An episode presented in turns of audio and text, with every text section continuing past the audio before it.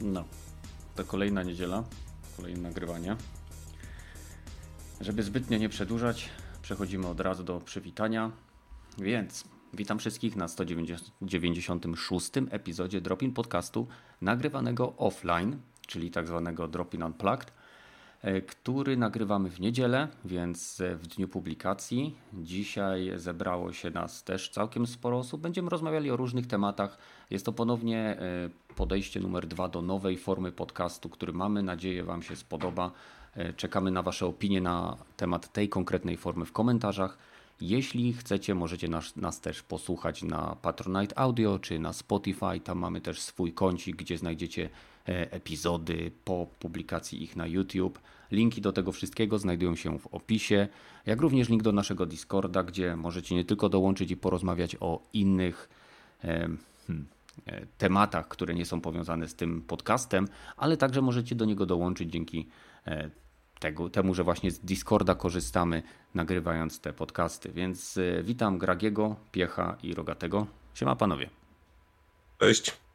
Cześć. Hej, hej, hej. No i aby tradycji stało się zadość, ja zacznę od tego, co u mnie. U mnie nic nowego. Poza tym, że ściągnąłem sobie i pograłem troszeczkę w zamkniętą betę Torchlight Infinite, chyba się nazywa gra. Jest to y, pod, gra podobna do Diablo, wydana na mobilki i y, jest też wersja klienta na PC-ta. I co ciekawe, twórcy Torchlight Infinite zarzekają się, że nie będzie tam żadnego pay to win, więc myślę, że dlatego chcą też jakby mieć premierę niedługo po Diablo Immortal, żeby na famie tego niezbyt y, wysokiego poziomu zadowolenia z monetyzacji y, sprzedać też swój tytuł, bo Torchlight, Torchlight, seria Torchlight, mimo że ma swoich fanów, zawsze gdzieś była troszeczkę w tle, chociaż jest tworzona przez y, twórców oryginalnego Diablo 1. Więc zobaczymy jak to wyjdzie. Gra jest naprawdę przyjemna, powiedziałbym, aczkolwiek widać, że jest zrobiona pod platformy mobilne. Więc zobaczymy, jak to się rozwinie po zamkniętej becie. A poza tym, no niewiele u mnie. Praca, praca. To jest ostatni podcast, który teraz nagrywamy. Następne dwa, może nawet trzy. Zobaczymy, jak się ułoży mój następny wyjazd. Będą już nadawane na żywo, e, więc zapraszamy Was gorąco do, do udziału. No a Piechu, co tam u Ciebie? Ja to może zacznę najpierw od niegrowych. To zacząłem nadrabiać e, wszystkie filmy Marvela. Wczoraj się zatrzymałem na Kapitan Marvel. Ale pozwól, że zadam pytanie. E, w, w kolejności wydawania ich przy, do kin, czy w kolejności chronologicznej? No tak jak jest te, tymi fazami oglądam. O, bardzo dobrze, bardzo dobrze. Właśnie tak, to jest najlepszy sposób na, na oglądanie tego, według mnie. Jak, podoba się na razie? E, znaczy, najbardziej z tych wszystkich to mi się Kapitan Ameryka, te czy, czasy wojenne bardziej mi jakoś leżą. Mhm. Znowu narzeczona bardziej Tora polubiła. A jak jest jakiś film z Kapitanem Ameryką, to ona za bardzo nie chce oglądać. Ale jak jest Chris Hemsworth, to już jest ok. Znaczy Thor, no, przepraszam. Dokładnie. A tak to jeszcze y, czwarty chyba odcinek She-Hulk oglądałem. Eee, kurczę, nie kojarzę, czy już widziałem czwarty. No, jak ci się serial podoba? Bo podobno fani mówią, że to jeden z najgorszych seriali Marvela, jaki jest. Przy, przyjemne, ale te odcinki strasznie krótkie są, bo wstęp jest y, podsumowanie, co było. Nie wiem, 20 minut odcinka i jeszcze 6 minut tych wszystkich y, napisów i tego i innych rzeczy. No, fajnie się nawet ogląda. No mi też się nie, przyjemnie nie, ogląda. Dupy nie urywa. Nie, nie mam tak, że nie mam tak, że, że nie chce mi się tego oglądać. Szybko, szybko to wszystko leci. Mhm. A z takich growych rzeczy, no to na Playu w końcu się zabrałem za Batmana Arkham Asylum. Nie wiem kiedy ta gra wyszła, 12 lat temu, chyba 13. I, a ja sam się zabierałem, nie wiem, chyba od 3-4 lat, żeby w końcu zacząć nadrabiać Batmany, bo w żadne nie grałem. No i... Nie chcę wiedzieć, jak się w tą grę grało zaraz po premierze, bo kurde, te 12-13 lat temu się zarąbiście gra. W ogóle się ta gra nie zestarzała. A tam chyba tylko port był na PlayStation 4. Tam nic, nic przy tym nie dubali więcej, co nie? Wiesz co, trudno mi powiedzieć. Wiem, że kiedyś była wersja Batmana, która była strasznie skopana na PC i to do momentu, że została do takiego stopnia, że była wycofana ze sklepu. Ale to bo... ten ostatni Arkham Knight. ostatni. Mhm. No to A może. ten Asylum to jest pierwszy tej no, trylogii. Wybacz, to było lata temu, kiedy w to grałem, no ale fajnie, że się dobrze bawisz. Tak, niedługo się będę brał za Arkham City, chyba tam jest drugie, ale sobie zrobiłem przerwę, żeby też się nie zmęczyć tym wszystkim. I na Playu jeszcze zacząłem grać w y, Deliver Us the Moon. Mhm, mhm. Tam pod, pod koniec jestem. No, fajna gierka na, chillouta, żeby sobie trochę porozkminiać. Nie ma tam za dużo e,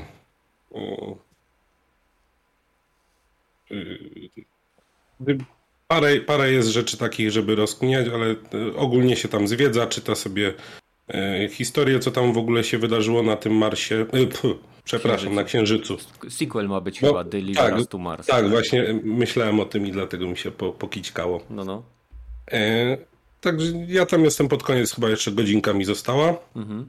E, na Switchu e, wsiąknąłem w Moonlightera. To jest przez 11-bit e, wypuszczona tak, gra. Polska gra. Znaczy nie, to chyba studio hiszpańskie stworzyło, mi się wydaje. Tak? No, no, no, ale, ale wypuściło... Elbity są wydawcą. Tak, wydawcą. A, okej, okay, okej, okay, no, dobra. E, I kurde, to niby na gry online pisze, że tam jest rogue, roguelike, no ale ja tam za, za, bardzo nie widzę. No tyle, że po śmierci się tam część rzeczy traci, ale to bardziej jest RPG, ale gra, gra wciąga. I każd, każdą wolną chwilę praktycznie, jak tylko mam, to odpalam Switcha i sobie gram. Wczoraj na przykład, jak coś oglądałem i było bardzo nudne, to, to, to Switch mi pomógł właśnie. Mhm. A na PC yy, Wróciłem do Battlefielda 1 po chyba 4 latach, bo się obraziłem na Rainbow Sixa. To stwierdziłem, że sobie w inną strzelankę pogram i z, w BFA 1 ze znajomym grałem. I na, nadal się świetnie gra w tą grę. Mhm. No okej, okay. dobra. E, Gragi, WhatsApp?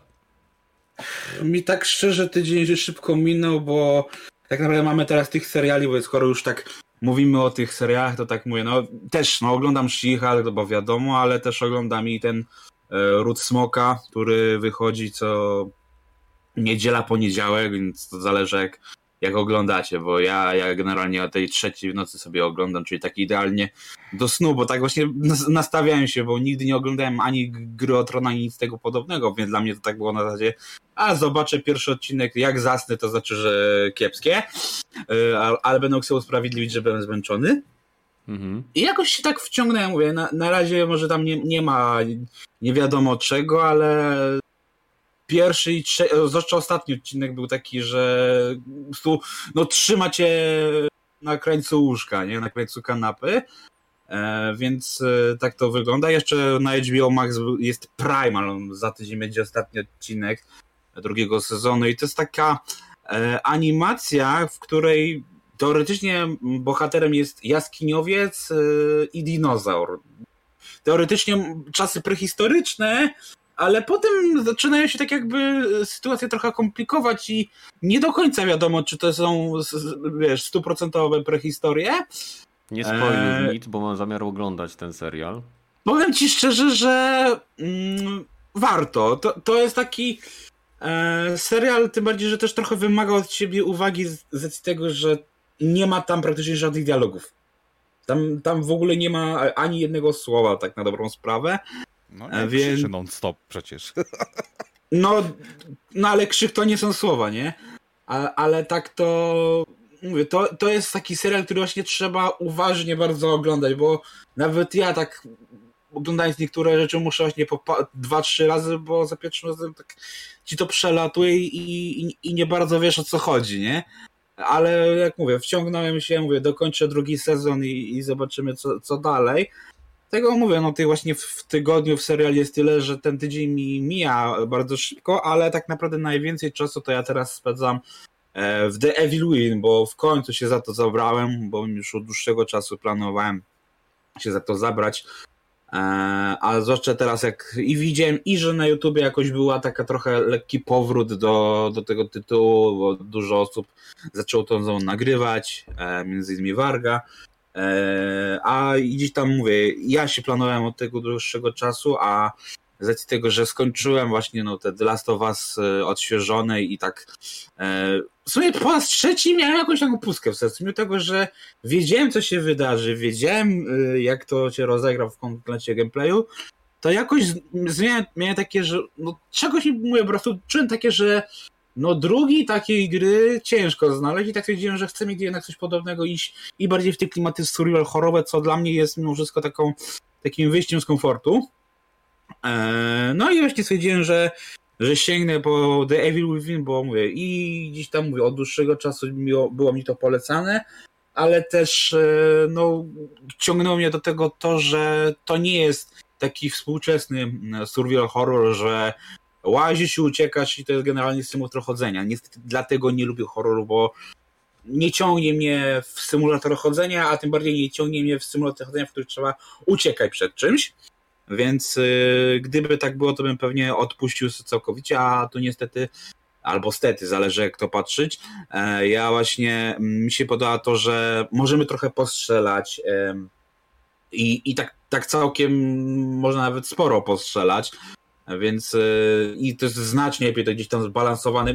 Szczerze, Devil tak, tak, tak na dobrą sprawę, czy wiadomo, to, to jest y, gra twórcy Resident Evil 4 i, i to widać, słychać i czuć, ale szczerze, mi też jeszcze tak mam skojarzenia, hmm, oczywiście poza Silent Hillem, bo to też jest tak trochę e, parę rzeczy tam oczywistych, e, to mi szczerze to się momentami kojarzy z Alan Wake'iem, tylko takim właśnie bardziej na sterydach, bo tak jak Alan Wake był w sumie tylko łazisz, zbierasz notatki i co najwyżej uciekasz, tak tutaj mówię, jeszcze trochę mówię, możesz postrzelać i tak jest to bardziej jak podkręcone, więc mi się szczerze chyba najmuje The Evil podoba bardziej niż pierwszy Alan Wake. Zobaczymy jak będzie z drugim e, Alanem, jeżeli kiedykolwiek on wyjdzie. E, no ale muszę przyznać, że tak jak mówię, jak pierwsze pół gry mm, The Evil przechodziłem na, na dosyć e, luźnym klimacie, tym bardziej, że też jeszcze gra ma opcję grania mm, przechadzki, czyli właśnie dla osób, które są jednak bardziej wyczulone na takie rzeczy strachliwe i potrzebują Czyli więcej amunicji i tak dalej. tak. E, to dlatego mówię, dlatego też takie miałem, mam takie wrażenie, że akurat The Evil Within jest taką grą dla mnie, w sensie dla takiego nowicjusza horrorów, tak? Czyli to chcę sobie pograć, chcę czuć pewien dreszczyk emocji, ale nie chcę srać po gaciach, nie? I, bo ja takie w sumie gier szukam, że tak jak lubię horrory oglądać, bo lubię mieć taki, wiesz, e, taki dreszcz na, na plecach, ale nie lubię się bać. E, I, I dokładnie właśnie to daje, że mogę w to grać i pierwsze pół gry było naprawdę lajtowe. Naprawdę myślałem, że będzie gorzej. No właśnie druga połowa od połowy gry zaczyna się już takie, że ja muszę, tak jak mówię, wcześniej przychodziłem po 2-3 rozdziały dziennie, tak teraz przychodzę, tym bardziej, że też te rozdziały są coraz dłuższe, to przychodzę jeden rozdział dziennie i mi wystarczy. Po prostu mi to tak siada na głowie, że nie, wystarczy, nie? Ale, ale gra mnie wciąga. No mówię, jestem już tam na dziesiątym rozdziale, ale wszystkich jest 15 e, bodajże, także myślę, że pewnie za 2-3 dni skończę. Wezmę sobie dodatki, bo akurat gram w wersję z Game Passa, która nie dość, że ma wszystkie dodatki, e, ulepszenie, że można grać jak ktoś chce w trybie pierwszoosobowym, e, to jeszcze ma po, polską lokalizację, w sensie polskie napisy, czego nie ma ani wersja normalna PC-towska, E, ani y, konsolowa, a w żadnym spotku, czyli ani na PS3, 4, ani na Xboxach nie ma e, polskich napisów, dlatego wyjątkowo gram na PC, no oczywiście z podpiętym padem, żeby nie było, e, ale i dlatego mówię, to się naprawdę mówię, mi bardzo dobrze gra, mówię, nie sądzę, że się to, tak w to wciągnę, nie? To jasne, bohater jest nijaki i tak naprawdę też ta fabuła nie jest jakaś bardzo angażująca, e, tak na dobrą sprawę, ale klimat i, i sama rozgrywka, sama rozgrywka jest taka, że tu nie grać kolejne rozdziały, chcę, chcę iść w to dalej, nie? Tym bardziej okay, mówię, rozumiem. jeżeli mogę sobie to po, dostać po, pod siebie, nie? Rozumiem. Także mówię, The Alien to jest całkowicie ten tydzień mi zajął i tak mówię, jak za, za, zacząłem w poniedziałek, to patrzę, już mam niedzielę, a ja mówię, mam już prawie całą grę za sobą, nie? Mhm. No fajnie. Dobra, dzięki. Rogaty, jesteś na końcu? I co tam? A, rozumiem, że pytasz mnie, bo cię słabo słuchać trochę. E, przepraszam, e, zaraz, to... zaraz się z tym poprawię, teraz powinno mnie być słuchać o wiele lepiej. No, okay, bo to, cię trochę to, to, to dobrze. Mhm. E, to skoro o serialach, no to ja złamałem się i obejrzałem pierwsze dwa odcinki Lord of the Ring, Ring of Power. E, mhm. Głównie dlatego, że znam ludzi, którzy się na loże znają i bardzo narzekają na to, jak to się nie trzyma kupy. I ja jako osoba, która się właściwie nie, nie zna na loże w ogóle i moja e, właściwie taka wiedza się opiera głównie tylko na filmach Jacksona. E, muszę powiedzieć, że no, słabiutkie są te, przynajmniej te dwa odcinki. Jak na razie serial jest słabiutki. Już jest trzeci. Już jest trzeci, ale chyba już nawet nie będę oglądać dalej, bo okay. E, nie sądzę, żeby się poprawiło ani fabularnie, ani jakościowo do góry, więc e, po dwóch godzinach oglądania wyrobiłem sobie takie zdanie, że to jest praktycznie w każdym aspekcie gorsze niż filmy Jacksona. Ponoć wizualnie jest tylko lepiej, nie? Bo wizualnie, jeżeli chodzi, o, jeżeli chodzi o aspekt jakościowy, no to tak, rzeczywiście filmy, które były nakręcone 20 lat temu, nie wyglądają tak dobrze jak dzisiejsze, dzisiaj nakręcone. Ale to też y, mam taki problem, że większość tego, co widzimy w tych, w tych pierwszych dwóch odcinkach, to rozbija się, że to jest taka jakość serialowa i to raczej serialowa e, niezbyt twórcza ani interesująca, że to wszystko jest albo dobra, to zrobili już kiedyś tam, to skopiujmy to, z tym, że wychodzi im e, gorzej. I, I wprowadzenie wygląda mniej imponująco niż to, co było w Lord of the Ring. I efekty, których używali e, w filmie są wykorzystane od czasu do czasu właśnie tych, e, w tym w paru odcinkach, w paru momentach.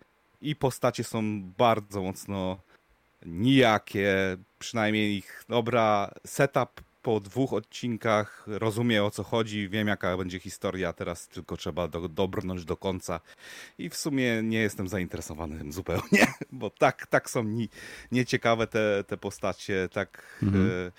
e, nieciekawe się roz... E, znaczy o, standardowo to wcześniej, mediocre, przeciętnizna strasznie. Nie, nie czuć e, nie czuć zupełnie ani klimy e, fantazy jakiegoś wielkiego, epickiego, ani właśnie świata Lord of the Ring. To, że nie trzymają się loru, to akurat mi nie za bardzo przeszkadza, bo nie znam się na tym lorze, aczkolwiek tyle, co słyszałem o tym, jak to bardzo się nie trzyma kupy e, od, od znajomych, to Wow, współczuję, okay. współczuję. A myślisz, że y, odbiór Lord of the Rings y, tych dwóch pierwszych epizodów y, wynika z tego, że oni próbują z tego zrobić 10-godzinny film zamiast serialów, gdzie w każdym odcinku powinno się coś dziać? A nie za bardzo mnie to interesuje, jaki jest powód. Jest to po prostu, efekt jest taki, że to jest strasznie nieciekawe. Nie, no tak, no ale wiesz, zazwyczaj jak robisz serial, to w każdym epizodzie jest jakaś akcja, coś się dzieje, coś, co sprawia, że oglądasz, na końcu coś się dzieje i chcesz obejrzeć kolejny epizod. A teraz mamy często do czynienia z sytuacją, gdzie właśnie tego typu e, seriale, które są oparte na jakiejś takiej dłuższej historii, e, tak naprawdę są filmem, który został pocięty na 6, 8 czy 10 epizodów no i przez to jest... przez część, to, to jest tak, wyobraź sobie jakbyś wziął na przykład teraz pierwszy epizod ten Phantom Menace, tak? To był z Gwiezdnych Wojen. Jakbyś zrobił tego, z tego serial, to byś miał całe odcinki, gdzie stoją w Senacie i gadają. Nie? O to mi chodzi, że, że nie ma e, jakby tego, e, tej, tej paraboli akcji w każdym epizodzie, ponieważ ta e, parabola jest rozciągnięta na wszystkich epizodach i tak jak w większości filmów, prawdziwa akcja dzieje się mniej więcej w środku lub pod koniec. Nie? No w takim rodzie Smoka drugi odcinek był w sumie taki przegadany, tak nawet tam się już nic nie działo praktycznie. Ale no, tutaj... gra o Tron potrafiła być przegadana. No, słucham, Rogaty. Tu, tu, tutaj nawet nie chodzi o to, że nie ma akcji, czy nic się nie dzieje. Po prostu to, co jest pokazane, jest nieciekawe. Jak opening spoilerowy troszeczkę do filmu sprzed 20 lat, jak była pierwszy raz na przykład Nazgul spotkał hobbitów, był w lesie, zrobiło się ciemno, fajny efekt kamery użyli. E, był ten sam efekt użyty w serialu, nie będę spoilerował w jakim momencie, ale zupełnie nie wywarł na mnie żadnego wrażenia. Może Podobnie dlatego, że już go widziałeś. E, może dlatego, że to już go widziałem, a może dlatego, że po prostu nie potrafili e, tego nakręcić w taki sposób, żeby to miało jakiekolwiek wrażenie. Okay. Oni już zna, znają swoje, e, nie znają po prostu Przynajmniej takie mam, mam wrażenie. Jedyne, co potrafią zrobić, to skopiować albo niewiele zmienić to, co już było zrobione, ale nie potrafią tego zrobić dobrze. Może to jest taki mm. homaż w kierunku oryginalnej trylogii, a ty się no, czepiasz. homaż, homaż, homaż to to może być, tylko że homaż im ten nie wychodzi, bo na przykład e, pierwsza walka z trolem zim, zimowym wyglądała śmiesznie gdzie pierwsza walka z, z trolem e, jaskiniowym w Morii, w Lord of the Ring, e, cała, cała, cała scena trwała 5 minut i było wiadomo, że mamy osiet, mamy przejebane, cała drużyna pierścienia i musimy naprawdę, naprawdę się starać, żeby nas nie pozabijały. I zarówno te orki, czy, czy co to tam wal, walczyło z nim, jak i ten troll. A mhm. No taki Rambo kobieca wchodzi i zabija go i cool guy don't look the explosion, jeszcze by jakby muzyka, ten, eksplozja była w, w tle, no to, to by było mniej więcej ten sam poziom. Śmiesznie okay, to wygląda. dobra. Jak zobaczę, to, to, to też będziemy mogli pogadać, ale pewnie nie, nie na podcaście, tylko może, bo może podczas... pewnie nie oglądać, bo ja widziałem. Może, może podczas y, gry w Dark Tide, tak? Może. Może, może. E, ale, ale mam pytanie. może bardziej klimat. E, Dead Stranding. No, wiesz co, jak mnie spytałeś, to zacząłem znowu trochę grać i no spoko. Dwa razy udało mi się zbugować grę, właściwie chyba nawet więcej. E, pierwszy raz to chyba uderzyłem w kamień pod złym kątem i mnie wyrzuciło ponad mapę. I za każdym razem jak i, i to za każdym razem jak się odradzałem, to mnie wyrzucało za, ponad mapę, spoko wczytamy potrzebny, poprzedni save i drugi raz e, wyrzuciło mnie pod geometrię mapy, ale nie do końca, że nie spadałem i za każdym, mm, no i jeszcze raz musiałem e, wrzucić e, do poprzedniego okay, okay, no, tu, tu, już, tu, już, tu już troszeczkę, okej, okay, super bardziej, giera. Bardziej interesuje mnie, y, jakie są twoje wrażenia, kiedy gra ci działa.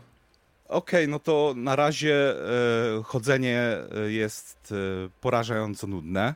E, nie widzę tam żadnej głębi na razie, ale to wiesz, e, więcej cutscenek oglądałem niż samej gry. E, no Kozima że... w końcu, nie? Tak, tylko że wiesz co, nie, nie, on jest reżyserem i wszystko to robił, ale chyba pisał ktoś inny i no nie wiem, reżyseria samych cutscenek technicznie wygląda ładnie, modele wyglądają ładnie, nawet nie, od, ciekawie jest y, to wyreżyserowane, aczkolwiek kontent tych cutscenek czasami jest taki, że jak Japoński. tylko pojawia się jakaś subtelność, to ci ją wybiją z głowy. E, więc dla przykładu, że o, mam, mam, masz, e, ja chcę zostać sam, nie, nie, musimy się łączyć. Te kajdanki odzwierciedlają to, że one nie są twoim, on, powiążą cię z innym, ale pamiętaj, że, że musimy się łączyć. Jesteś Bridges, więc e, budujemy mosty i połączymy wszystkie te no, no.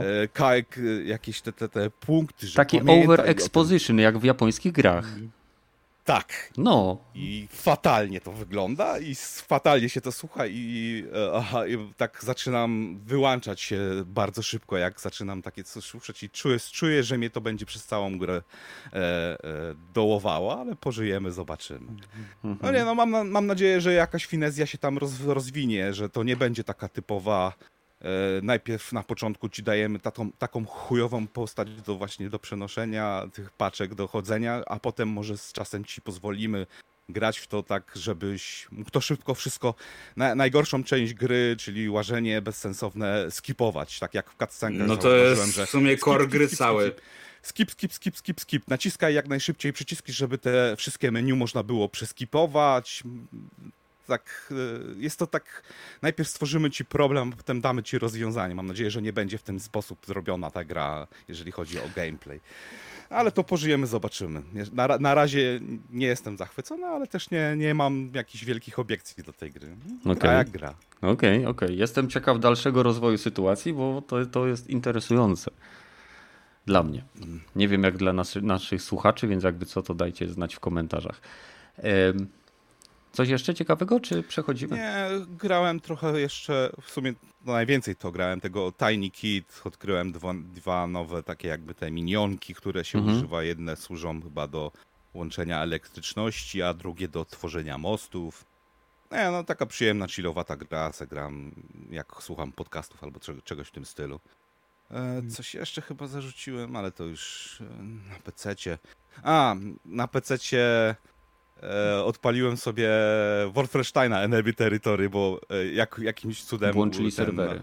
Włączyli serwery tak dedykowane na czterech rejonach na, na europejski. Weszłem z botami. Zresztą e, są serwery zauważyłem dedykowane, ale nieoficjalne też, nie? Nadal są, nadal stoją. Mhm. Wchodziłem na takie i nadal tam boty zasuwają, można sobie pograć, ale nie. Ale ludzi tam już nie ma. Znaczy, nie, jak się ugadasz na, gdzieś na Discordzie, to, to się pewnie pojawią, nie? Bo boty są, są, serwery są zapełnione botami w tej chwili, więc e, te... widać, że ktoś od czasu się tam pojawia, bo widziałem co najmniej 20 serwerów i co najmniej połowa z nich miała kogoś, tylko że nie wchodziłem na mhm. wszystkie 20, tylko na chyba dwa albo trzy i tam były akurat boty były, nie? Więc 20-letnia gra dostaje update albo właściwie e, utrzymuje. No, wiecie co, e, to tak mało nas będzie kosztować, więc postawimy wam oficjalne serwery. więc no, podoba mi się nie, te, te podejście akurat Bethesdy slash Microsoftu. Mhm, mhm. To chyba wszystko. Jeszcze nie, nawet nie próbowałem tego Rocksmitha grać. Jak zobaczyłem playlistę i cenę, za którą chcą, to nie, dzięki, postoję. Okay. No, playlista trochę słaba, zwłaszcza, że niestety nie ma w ogóle tych piosenek, które były w poprzednich dwóch częściach i tak naprawdę, jeżeli się nakupowałeś tam wszystko, co było, no to wszystko no to musisz tam zostaje, nie? Tak, grać na po w poprzednią wersję. To, to graki już wiesz, jak się y, czują gracze FIFA, jak kupują nową FIFA do Ultimate Team. Tak, nie? Wiem, bo wiesz, ja gram w FIFA, wiesz, co roku, praktycznie piątego roku życia co najmniej, nie? Więc wiem, wiem, właśnie to, na, takich, na, dla, na takich graczy jej liczy. E, więc y, słuchajcie, pamiętajcie, że nagrywamy to offline'owo. E, jestem tutaj e, w Niemczech, internet jest dosyć niestabilny, więc mogą się dziać różne rzeczy. Tu mamy też współlokatorów, innych ludzi, którzy mieszkają w mieszkankach, które otaczają pokój, w którym się znajduje, więc e, w zeszłym tygodniu mogliście usłyszeć na przykład e, robienie schabowego. Nie wiem, co usłyszycie w tym tygodniu, więc e, postaram się, jeśli to będzie bardzo głośne, wyciszać swój mikrofon i jedziemy dalej. Jedziemy dalej. Pamiętajcie, żeby dać łapkę w górę, jeżeli Wam się podoba. Od czego chcielibyście zacząć? Troszeczkę się działo w tym tygodniu. Były dwa eventy, które przynajmniej ja kojarzę i miałem okazję obejrzeć, to był Marvel Disney Game Show i Ubisoft Forward. E, oprócz tego mieliśmy kilka innych ciekawych e, wydarzeń, które jakby no, odbiły się troszeczkę echem na stronach newsowych, więc od czego chcecie zacząć? Coś wam wpadło w oko? To najświeższego Ubisoftu. Od Ubisoftu, tak? Póki pamiętamy? A, tak, tak. Okej. Okay. No dobra, to um, jak wam się podobało nowe Just Dance? oh man. Czy to, czy to jesteście odbiorcą akurat tego typu y, gier muzycznych, tanecznych, które wymagają ruszania całym ciałem? A, wiesz co, jakbym miał Beat Saber, to może bym był zainteresowany, bo bardziej jeżeli bym musiał walczyć, ale same tańczenie to, to nie, mhm. to, to, no. to, nie jest mój... Te ciała nie tańczą. Po, znaczy, jeszcze ponoć ma fajny model tego, że tam jeszcze masz kwestię ćwiczeń, czyli jak tańczysz, to tam możesz spalić kalorie, więc e, Jazz Zawsze... ma tak jak Ring Fit, nie? Zawsze jak tańczysz, to spalasz kalorie. No. Ale wiesz, że, że możesz tam, wiesz, że ci pokazuje, że wytańczyłeś dzisiaj 10 kilo, nie? I to ma jakiś taki tu. walor e edukacyjny, motywacyjny. 10 nie? kilo? 10 kilo? Wow. No może straciłeś przy tym rękę, nie? No, o, o, okej. Okay. ale, ale sam Just Dance to, to przynajmniej dla, nie dla mnie, to, że kolejna wersja jest, to też mnie nie za bardzo rusza, nie wiem jak... Wy... Dobra, proponuję, żebyśmy to, co wydaje mi się najbardziej nas zajęło, czyli y, cała część związana z Assassin's Creed, zostawili na, samą, na sam koniec rozmowy o y, Ubisoft okay. Forward, y, a ja będę teraz może, co ciekawego było, mm, nowa, nowa gierka... Trackmania, właśnie, Trackmania będzie... Ja nie rozumiem, bo wcześniej było Trackmania Unlimited, się to nazywało? Eee, czy co, teraz jest... jest... dostępne? Bo teraz mam wrażenie, że znowu wychodzi gra, która ma na imię Trackmania. Ja nie rozumiem, tak, czy to no. jest kontynuacja, czy to jest y, jakaś inna wersja. Wiem, że będzie dostępna za darmo. Eee, tego nie A wcześniejsza wiem, też chyba była za darmo? Czy nie? Eee, nie, chyba wcześniejsza była na, na, na konsoli e, tylko i wyłącznie. E, powiem ci tak, bo była Trackmania z 2003. Mhm. E, bardzo dużo dodatków. Wersje mhm. na Unit, e, Unit, DSa, Turbo DS, Trackmania do kwadratu, Canyon, Stadium, Valley, Lagoon, Trackmania Turbo z 2016 i Trackmania też jest jako nowa gra wideo z 2022 zapowiedziana chyba, nie? Ale to premierę jeszcze e, nie ma. W 2000, early 2023, więc to nie wiem, to będzie teoretycznie czwarta gra, e, tak jakby oficjalna e, ze serii Trackmanii, no ale kto grał w Trackmanie, to wie, co to jest Trackmania, to nie ma, nie ma ten. To będzie na bodajże wszystkie platformy oprócz e, Switcha. E, z tego, co widziałem, na razie tak jakby tylko jeden e, e, ten lokalizację, czyli stadium pokazali znowu, więc trailer jest króciutki, tam nie widać za bardzo coś ten jakichś wielkich zmian w stosunku do poprzednich okay. Trackmanii, więc... Mam informację na temat samej Trackmanii. Darmowa wersja Trackmanii jest coś takiego, co się nazywa Starter Access i masz dostęp do gry, 25 nowych torów, 100 e, medali i jest później jakiś, jakaś opcja płatna z tego co widzę. Jeżeli coś źle powiedziałem, to fani Trackmani na pewno nas wyprostują albo na e, komentarzach, albo w komentarzach pod filmem, albo w naszym dziale feedback na Discordzie, więc zapraszam pisze tak, Trackmania e, ma opcję free to play, nazywa się to Starter Access. E, z Starter Access gracze mają dostęp do 25 nowych map z każdym sezonem. E, mogą grać solo lub w multiplayerze poprzez tryb arcade. I to jest informacja z 8 czerwca 2021. Natomiast z 1 lipca 2022 wydaje się, że jest dokładnie to samo. Co ciekawe, e, odnośnie tej Trackmanii, e, mamy informację o tym, że będzie tam dostępne e, ponad chyba 28 albo 280 tysięcy torów zrobionych już przez innych graczy? Znaczy to chyba odnośnie poprzednich Trackmanii się coś tam wypowiadał na ten temat. Nie, nie, mówił, że te tory będą dostępne też w tej. A, no, od, od w, w Day One, również na konsolach. To co? Hmm gracie w Trackmanie? Bo ja kiedyś próbowałem. No ja, ja, grałem z kumplami dosyć dużo w stadium, e, tylko że wiesz, to jest taki time tak, że e, wchodzimy na Skype'a i jedziemy na tym samym torze i aż, aż się zanudzimy e, gadaniem ze sobą, a Trackmania to jest takie tło do zajmowania swoich rąk, nie? Ale e, competitive tam jest bardzo wysoki, te speedruny na, na mapach też jest e, zajebiście wyglądają nie, niekiedy. Kontrowersje, jak ktoś oszukuje albo przyłapali do kogoś, do, do, że oszukuje, to też bardzo fajnie e, e, odzwierciedla ten świat. Nie, mm -hmm. no, bo mi się, mi się podoba, bo to jednak e, prosta gra, ale wymaga dużo e, finezji, bo tam te super takie e, filmiki z montażami, jak to ktoś jedzie praktycznie na wprost, a sam samochód wykonuje jakieś super zajebiste stany, to, to naprawdę mi to się chyba podobało. Tor jest tak zrobiony, bo wątpię, żeby to tak samo działało. To są te tory, gdzie po prostu musisz trzymać gaz. Tak, tak, ale są też takie, które trzeba i skręcać, i, i hamować, i są też dodatkowe jakieś tam speed trapy i mhm. wyłączanie silnika i e, od bandy musisz się czasami nawet odbić, żeby e, albo przyczeć nią, żeby jak najszybciej przejechać przez zakręt, bo inaczej się nie da. Nie no, tam To jest taka gra, że dla perfekcjonistów, nie? Przejazd na perfekcję i wiesz, co, co chwilę, okej, okay, rozwywaliłem się w trzecim zakręcie, reset, odjedziemy od początku, ale i tak w kółko, aż do stranej śmierci uda ci się to zrobić, ten med złoty medal, albo jeszcze jak, jakiś e, czas zajebisty wy, wymaksować, nie? Mhm, mhm. A co wy sądzicie, Piechu, Gragi? Czy to jest coś, e, co was interesuje, Trackmania? Ja w ogóle nie grałem nigdy w Trackmanie. Okej, okay, cieszę się, że to słyszę, bo mnie też.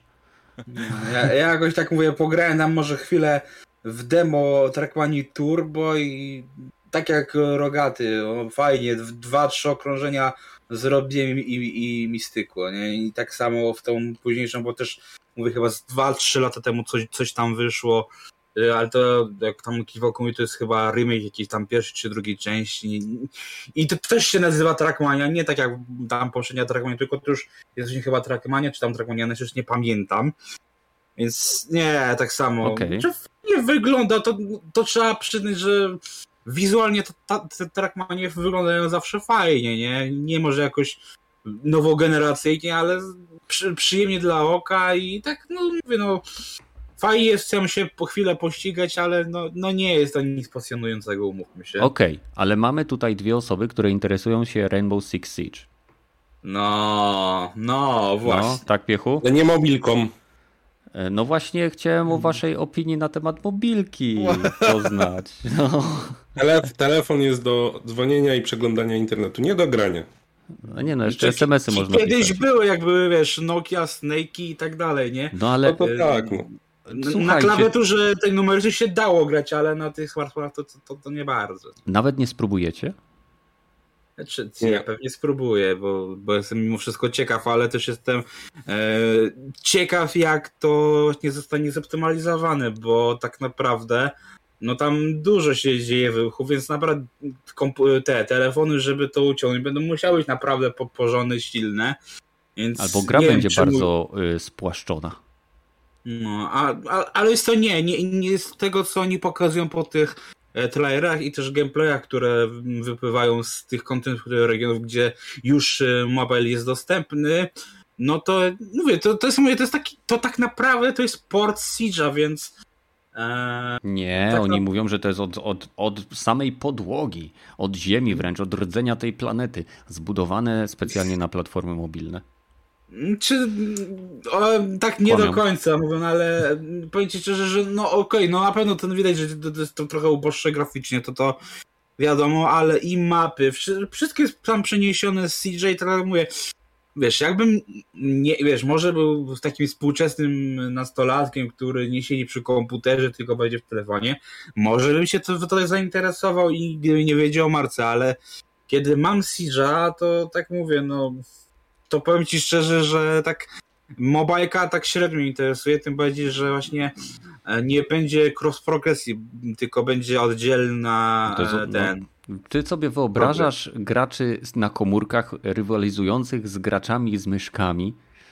Znaczy nie, że z myszami, w sensie... tylko że masz to co, to, co odblokowałeś e, w normalnej grze, też będziesz miał w ten i to ci będzie przechodzić, nie? Nie, Czyli no to inna progresja. Gra. To jest Ale teraz gra. nie masz na przykład, ja, ja mam y, Rainbowa na PC i na Playaku. I na Playaku ostatnio odpalam i mam drugi poziom, a na PC mam 150. Na konsolach i na PC też tego nie ma. To, także no, nie, nie wiem, czego oczekuję, żeby na telefonie ci dali. Tak, tylko że wiesz, tam y, Ubisoft zapowiedział, że akurat na konsolach będzie cross progresja tam w przyszłym roku chyba najpóźniej. Crossplaya dali już, a yy, właśnie ten... No, dlatego cross, cross progresji się... brakuje, nie? E, mówię, no fajnie to wygląda, nie, nie wygląda źle, ale no mówię, w momencie, jeżeli mamy dużego Siege'a, to mi to nie jest potrzebne, ale z drugiej strony e, na pewno mnie, mówię, uważam, że to jest plus, dlatego, że tak naprawdę no Call of Duty Mobile nie ma w tej chwili żadnej konkurencji, bo umówmy się, że Apex Legends, Fortnite, PUBG Mobile to nie są FPS-y, więc e, tak naprawdę nie? no nie, to jest Battle Royale, więc sorry, ale nie. E, ale więc... FPS to jest określenie widoku pierwszej osoby. Nie, e, widoku to byłoby FPP, czyli First Person Perspective, a tu masz First Person, first person Shooter. First no. Person no. Shooter, FPS. Tak? Więc to tak. jest określenie pierwszej osoby plus gatunek. Tak, na Battle Royale no to, to niby jest, ale mówię, no, no ja Battle Royale no mówię, uważam, że to jest to mimo wszystko odrębny byt. E, dlatego mówię, to jest odrębny gatunek, ale nadal jest to w większości przypadków strzelanka z pierwszej osoby. To tak, no ale mówię, no ja też aż tak tego nie uznaję, dlatego mówię, no na pewno mimo wszystko no, to jest coś innego niż Call of Duty, no ale jestem bardzo ciekaw, jak to cię przyjmie na tym, na, na mobilkach Rainbow, bo mówię, no ja kocham Rainbow, ale zwłaszcza, że kocham go bardziej niż późniejsze Extraction, które jest takim, mówię, trochę odpryskiem, który teoretycznie ludzie chcieli, więc... Jacy ludzie? Nie, nie wiem, którzy. Znaczy, ja też nie, nie. Tragedia, kurde. Czy nie, to nie jest, to, to nie jest tragedia, tylko to, wiesz, no ludzie prosili, bo był przecież ten event Auryk, gdzie właśnie był ten cały właśnie moduł e, kooperacji z zarażonymi i tak dalej. Mhm. Ludzie chcieli więcej tego typu misji i żeby, najlepiej, żeby to był tryb permanentny, no. no. ale Ubisoft stwierdził, że dobra, no chcecie, zrobimy wam to i co? Oczywiście stara śpiewka, rozłosło nam się, zrobimy z tego osobną grę. To był błąd, żeby zrobić z tego osobną grę, tym bardziej, że też oni to zrobili tak i też tak to reklamowali jako taki w sumie mm, wstęp do Siege'a, no i w sumie faktycznie to jest takim wstępem do Siege'a, bo w Extraction uczysz się atakować, a w Siege'u uczysz się obrony. Ale, więc... ale nie zmieniajmy tematu, bo się tutaj rozgadamy na takie e, sidequestowe rzeczy. E, skoncentrujmy się na samym evencie.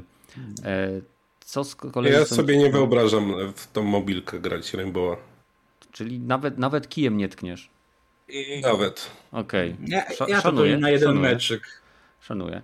Okej, okay. no to po, teraz możemy przeskoczyć do Division.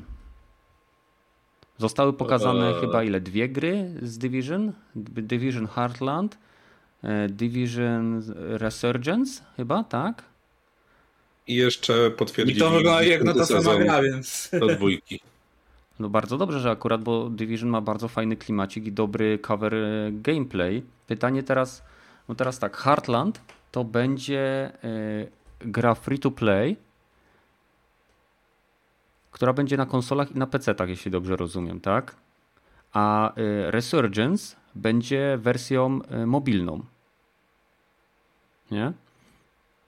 Plus dostajemy chyba dwa nowe sezony do Division 2. Czy nie jesteście troszeczkę zawiedzeni, że nie ma jakby żadnych informacji o następcy Division 2, w sensie Division 3? Mm, szczerze, pomijając to, że mi ta seria wisi i powiewa, no to tak naprawdę nie. Właśnie można mieć ogólnie cały zarzut do, do formy całego pokazu, ale od dłuższego czasu było mówione, że oni chcą bardziej iść w stronę ekspansji na mobilki, więc mi się wydaje, że dzisiaj tak naprawdę też się odchodzi tak naprawdę od robienia kolejnych części, a się doi ten license póki się daje, więc tak naprawdę będzie trójka E, dopóki dwójka ma graczy, to trójka nie powstanie, nie? Tak, tak samo z Rainbow Six, nie? Dopóki ludzie grają w Siege, to, to po co ci dwójka, nie? No mhm. dopóki konto, kasa wpada na konto, no to po co mają trójkę wypuszczać? No, tym bardziej, że tak jak w Siege'u, nie?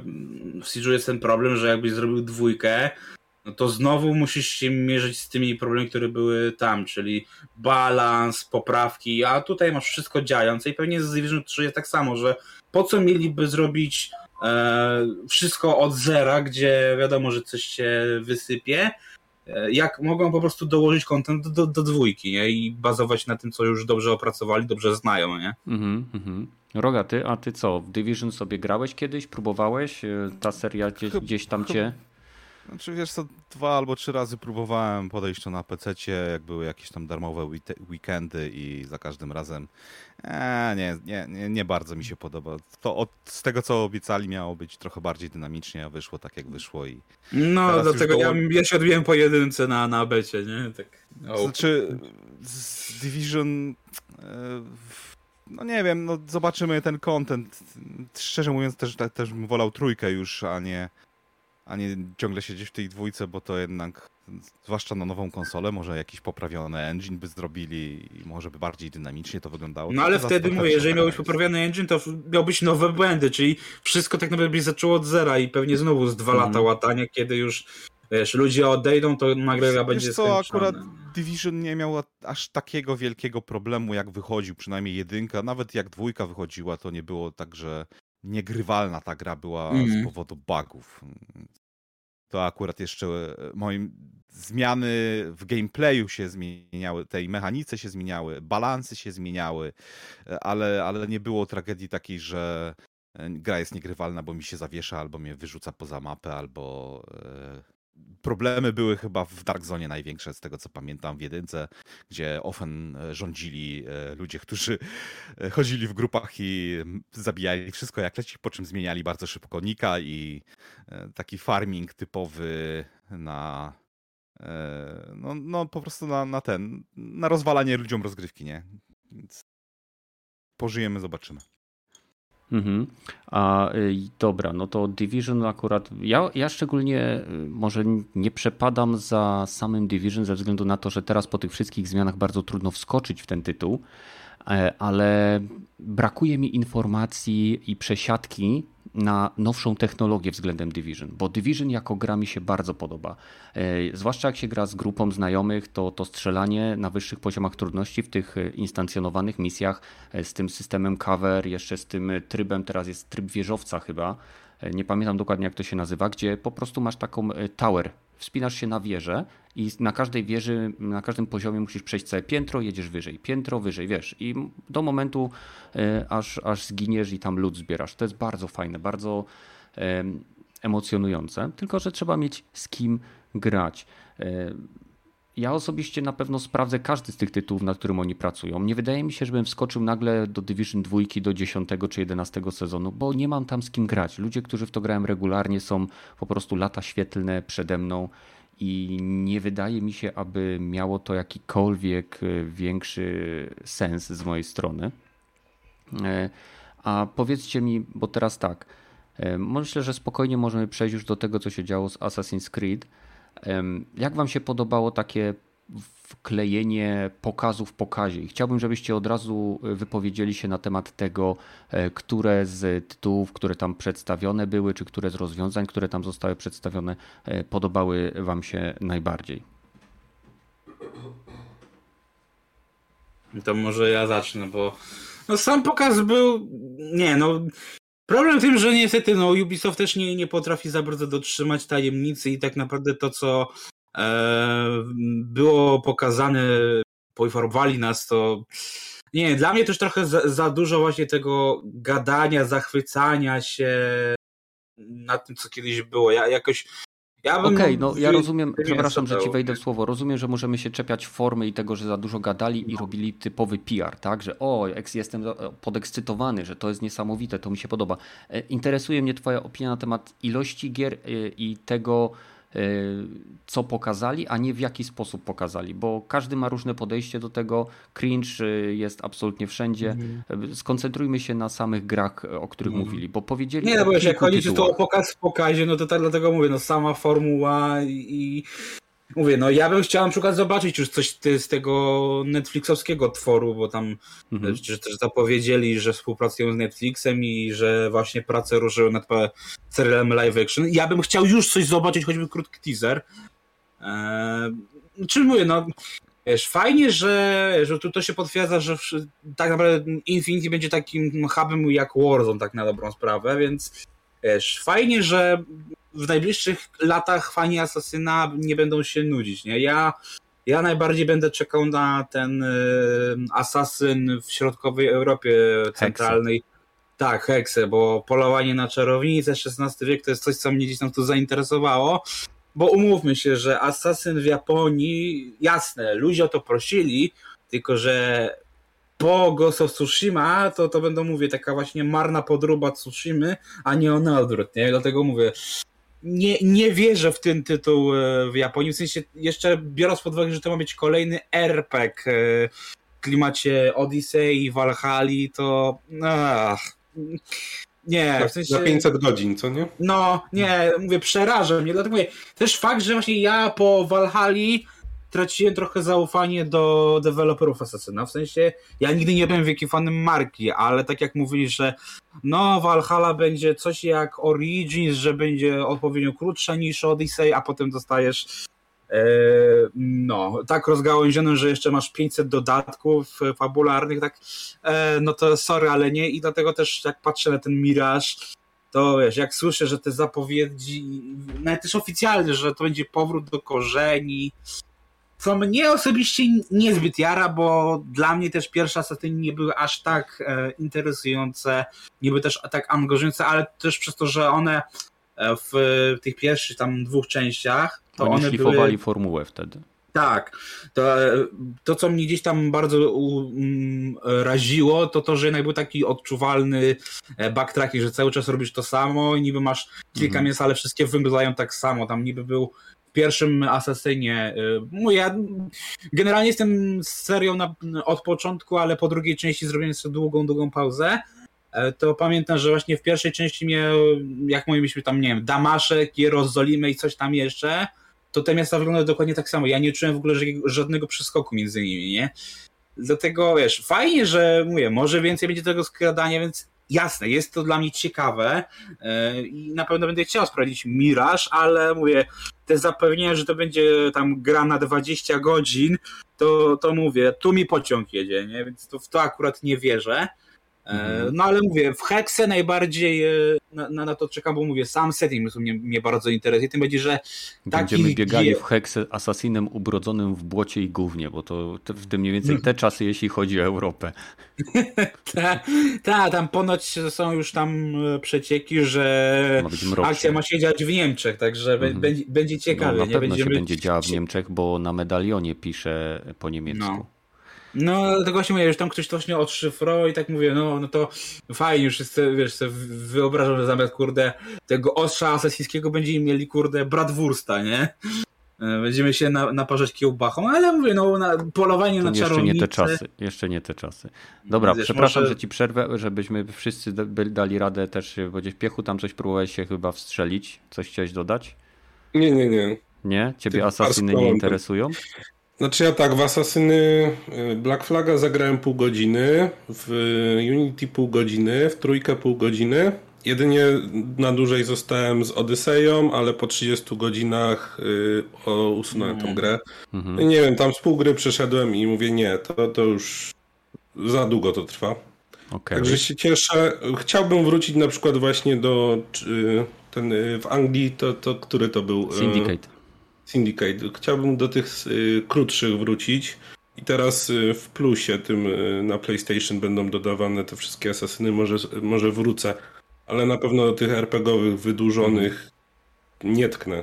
Także mm. do, do Mirage może się skuszę i ten Hex, Hexe robi ten teaser, taki fajny klimacik ma. No, no. Tylko, że... Ale szczerze, w porównaniu z teaserem tego Reda, czyli tym japońskim, no to Red miał lepszy teaser, bo tam mieliśmy jakieś słoneczko, jakiegoś tam, jakąś tam postać, coś ten, a, tam, a tu dostałeś tylko logo z, na drzewie, takie... E, no bo Red serio? pewnie wyjdzie wcześniej, czyli wiedzą więcej. No a, ta. a Hexa pewnie ma, nie wiem, za 4-5 lat wyjdzie?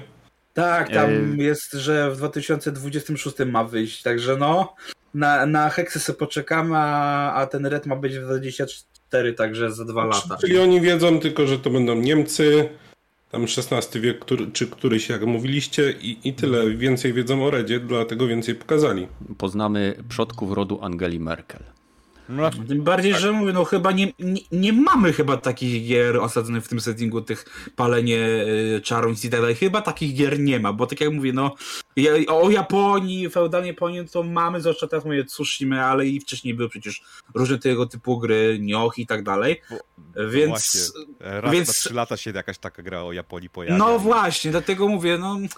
Asasyn japoński już nie jest tak ekscytujący, jak mógł być jeszcze powiedzmy z 5 lat temu ale ten właśnie e, środkowoeuropejski, no to jak mówię, takiej gry chyba nigdy nie było jeszcze, nie? A na pewno nie, żeby to był RPG czy, czy gra akcji, nie? Bo pewnie jakieś tam strategie tego typu to jak najbardziej, nie? Mhm. Ale tak to, to nie, nie kojarzę do tego. Ja się najbardziej na Hexa jaram i czekam na to bardzo.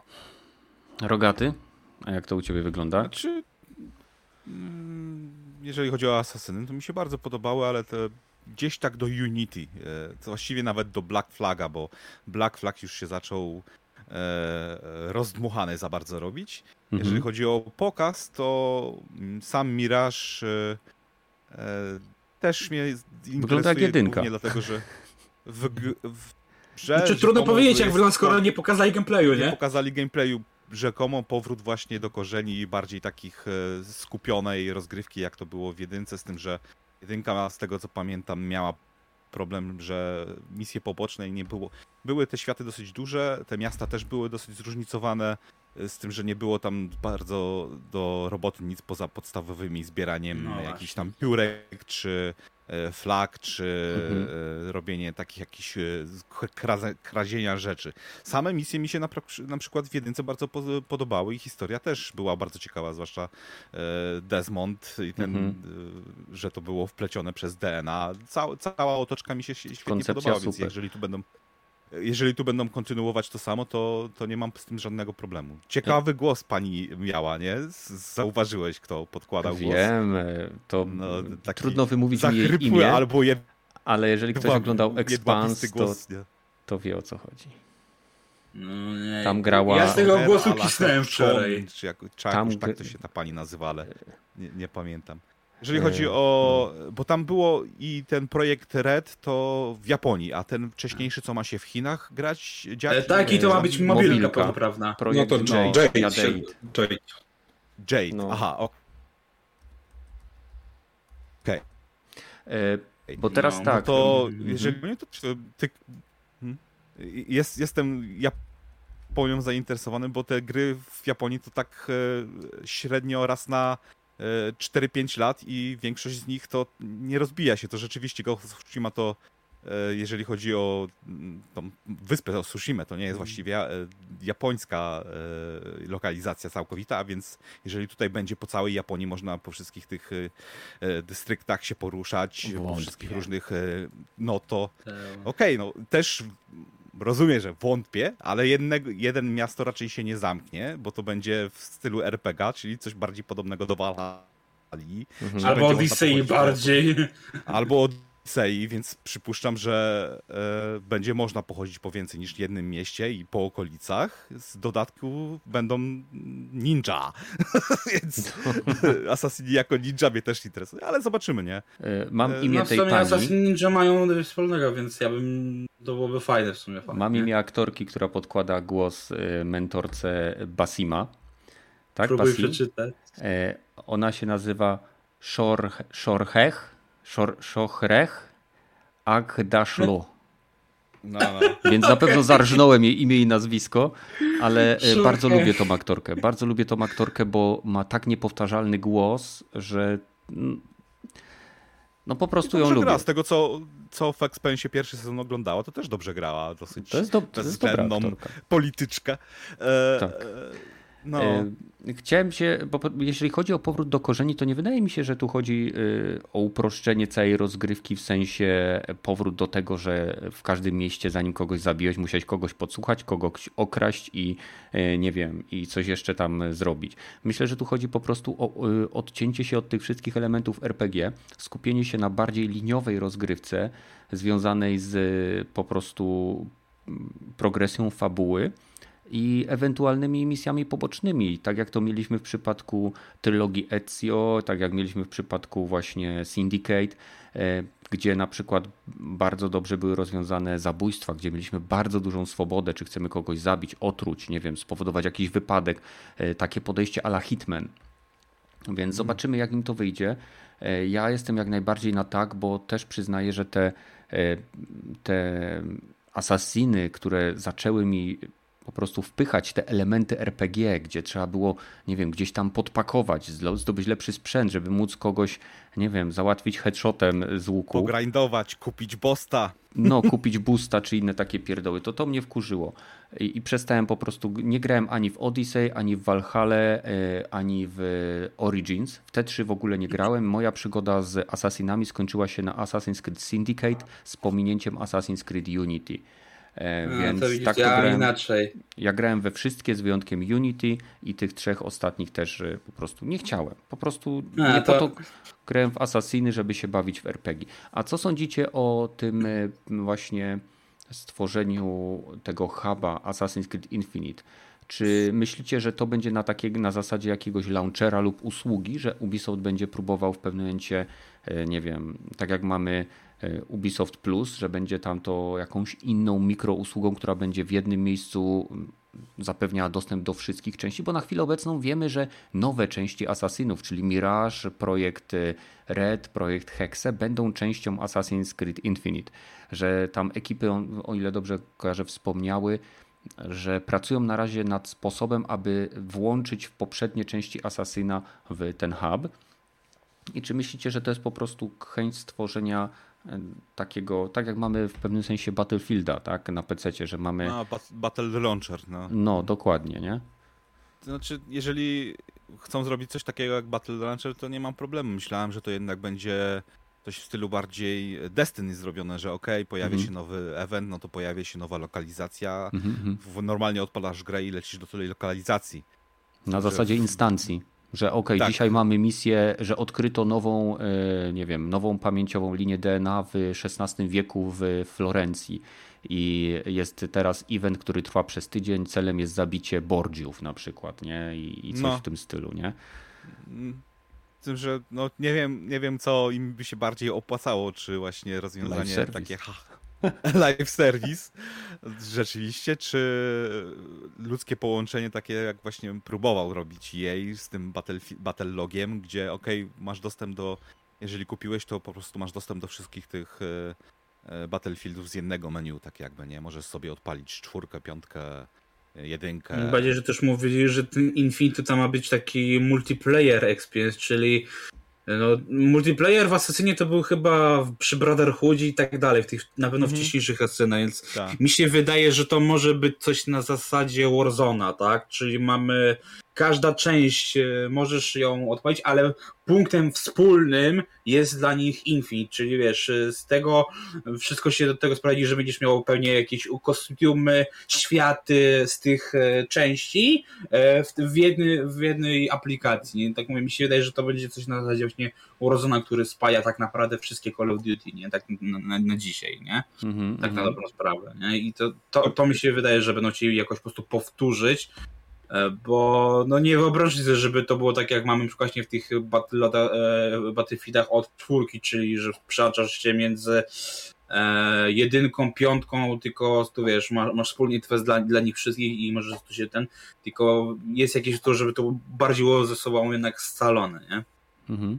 Nie wiem, ja, mam wrażenie, że ta, ja mam wrażenie, że ten multiplayer miał być zupełnie osobnym tytułem ale mo może, może źle zrozumiałem. Dlatego mi się wydaje, że pewnie coś będzie, bo tu już chyba wiem, co Piechu chciał zapytać, że e, ten e, Assassin Red i Assassin Hexe będą płatne, ale ten multiplayer Infinity, czyli ten hub launcher, cokolwiek to będzie, e, będzie darmowy. Czyli kupujesz część Z tego co wiem, multiplayer, nie, multiplayer nie ma nazwy kodowej Infinite. Infinite to jest nazwa hubu. No, no, no. No, ale, ale rozumiem o co ci chodzi, że tryb, tryb w multi będzie darmowy, a fabula, fabularka będzie płatna, tak? O to generalnie. No, tak, bo wszystko tak, było scalone, to kurde, ile tam miejsca potrzebujesz na dysku? No! O, o to mi chodziło, kurde, bo każda, nie wiem ile teraz asasyny ze 100 giga ważą, mhm. czy więcej. Może Także tak. jakby się tego nazbierało i trzymaj te wszystkie, o teraz kurde lecimy do Japonii, dobra. Teraz nagle, nie wiem, do Niemiec. A może będzie rotacja jak w Destiny, że będą ci zabierali rzeczy, które tam masz, po to, żeby dać ci nowe. Znaczy... No, to, co będziesz chciał zagrać, będzie instalowane, ewentualnie streaming, nie? Tak. Okej, okay, co tam jeszcze było? Skull and Bones pokazali po raz kolejny. No i on chyba dostał drugi najdłuższy pokaz tak naprawdę. Tam chyba z 9 minut y, ten pokaz trwał, także... No. I co? Tak samo jak Mario.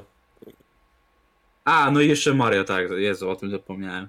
No akurat nie gram na Switchu, więc... było chyba też. A ja chciałem Raymana i jest Rayman. Dostałeś Raymana. W, w, w, Mario, kurde. nie o to prosiłem. Okej. Okay. Okej, okay. E, no i co? Czy teraz nowy pokaz Skull and Bones e, zachęcił Was, aby zainteresować się tym tytułem? Nie, osobiście nie. Ale to raczej, raczej wina tego, że nie jestem target audience, że tak powiem, bo nie Nie, nie jesteś piratem. Nie, nie. O, akurat o piractwie to może by było ciekawe, jakby to była gra fabularna, a nie taka e, typowa e, World of Warship, bo tak to chyba można by sprecyzować, tylko że no. z, a, e, z właśnie z możliwością chodzenia poza okrętami. No to wygląda na taki bardziej poważny Sea of Thieves. No, no można i tak powiedzieć. No, czyli nikogo, okej. Okay. E, napiszcie nam w komentarzach, czy Skull and Bones e, zainteresowa zainteresowało Was po tym pokazie, bo z mojej perspektywy gra wygląda może i ciekawie, ale mam wrażenie, że przez ilość modyfikacji, które tam są dostępne, gra będzie jednak bardzo mocno monetyzowana i nawet fakt, że będzie dostępna w dniu premiery w Ubisoft Plus, jakoś nieszczególnie zachęca mnie do tego, żeby tą grą się zainteresować. Zobaczymy, mhm. może się to zmienić. E, dla wszystkich, którzy chcieliby sobie popróbować różnych gier z Ubisoftu, też najbliższy miesiąc, o ile dobrze kojarzę, można sobie zaklepać w Ubisoft Plus za darmo, więc... Nie tam trzy miesiące mówili? Chyba, no, że mi się nie, coś miesiąc, miesiąc, miesiąc, miesiąc, miesiąc, miesiąc, miesiąc. To ja się musiałem przesłyszeć. No, no 10 i... do 10 października. Tak jest, więc e, zasuwajcie na stronę Ubisoftu. E, nowy sezon Mythic Questa, więc... Na to, to jest chyba najbardziej wyczekiwany przeze mnie zapowiedź, tylko szkoda, że nie dali daty premiery. Jest takie, e, no, fuck you Ubisoft, że fajnie, że pokazałeś, ale mogłeś pokazać datę premiery sezonu. Mhm, mhm. Ale tak, to jest moja najbardziej wyczekiwana premiera z tego pokazu. A ta gra na Netflixie, Valiant Heart, dobrze mówię? Valiant e, Tak, Heart. ale tak, nowy to fajnie, tylko szkoda, że znowu to ma być tylko mobilka, ale dwójka, jako że ja jedynkę naprawdę przeszedłem i mi się bardzo podobała, to ja jak najbardziej jestem za tym, żeby dwójka powstała, tylko dajcie ją na normalne konsole i pecety, nie? Mhm. A nie kurde na mobilki. Na mobilki to sobie może się wsadzić, nie? No dobra. Co jeszcze tam ciekawego? Y, bo Ubisoft mi już tutaj nie za bardzo zapadł w pamięci, jeśli chodzi o kolejne tytuły. Macie coś jeszcze? Bo Rayman y, Mario plus Rabbids, tak? No, gierka dla posiadaczy Switcha. Przyznaję, że grafika bardzo przyjemna. Ciekawe rozwiązania, jeśli chodzi o taktyczny gameplay. E, ale no nie mam tej platformy i nie, nie planuję jej zakupować, więc zakupywać, więc nie było to coś, co jakby przykuło moją uwagę na szczególnie długo. No i wspomnie, wspomniałem zaraz. chyba tylko jeszcze o serialu Assassin's Creed na Netflixie. Tak, i e, przecież tak. mamy e, a, Awatara. No, Awatara też od nich, nie? Też od nich. A, te przerośnięte smurfy. Dokładnie. Mamy przerośnięte smurfy w formie MMO na komórki i mamy przerośnięte smurfy w formie gry, która e, będzie miała premierę w bliżej nieokreślonej przyszłości, bo pewnie hmm. może być jeszcze przesunięta. Ale ta wersja na komórki to akurat nieźle wygląda. To, to że to co pokazali to, to, to tak... już chyba pokazywali na tym marvelowską szole, Disneylowską. Tak, tak, tak. To, to już tam było A faktycznie, no. zapowiedziane, ale tu chyba dostaliśmy dłuższy trailer z tego co kojarzę, więc tak mówię, tutaj można było się temu faktycznie przyjrzeć. Może nam Dla mnie to brzydko to. wygląda. No jak na komórki to wiesz, ujdzie. No nie gram, to nie wiem no jak to tam wygląda. No tak. Ale grafika jak z PlayStation 3. No to, to właśnie ta, tak wyglądają gry na komórki, nie? To całkiem niezłe osiągnięcie. No.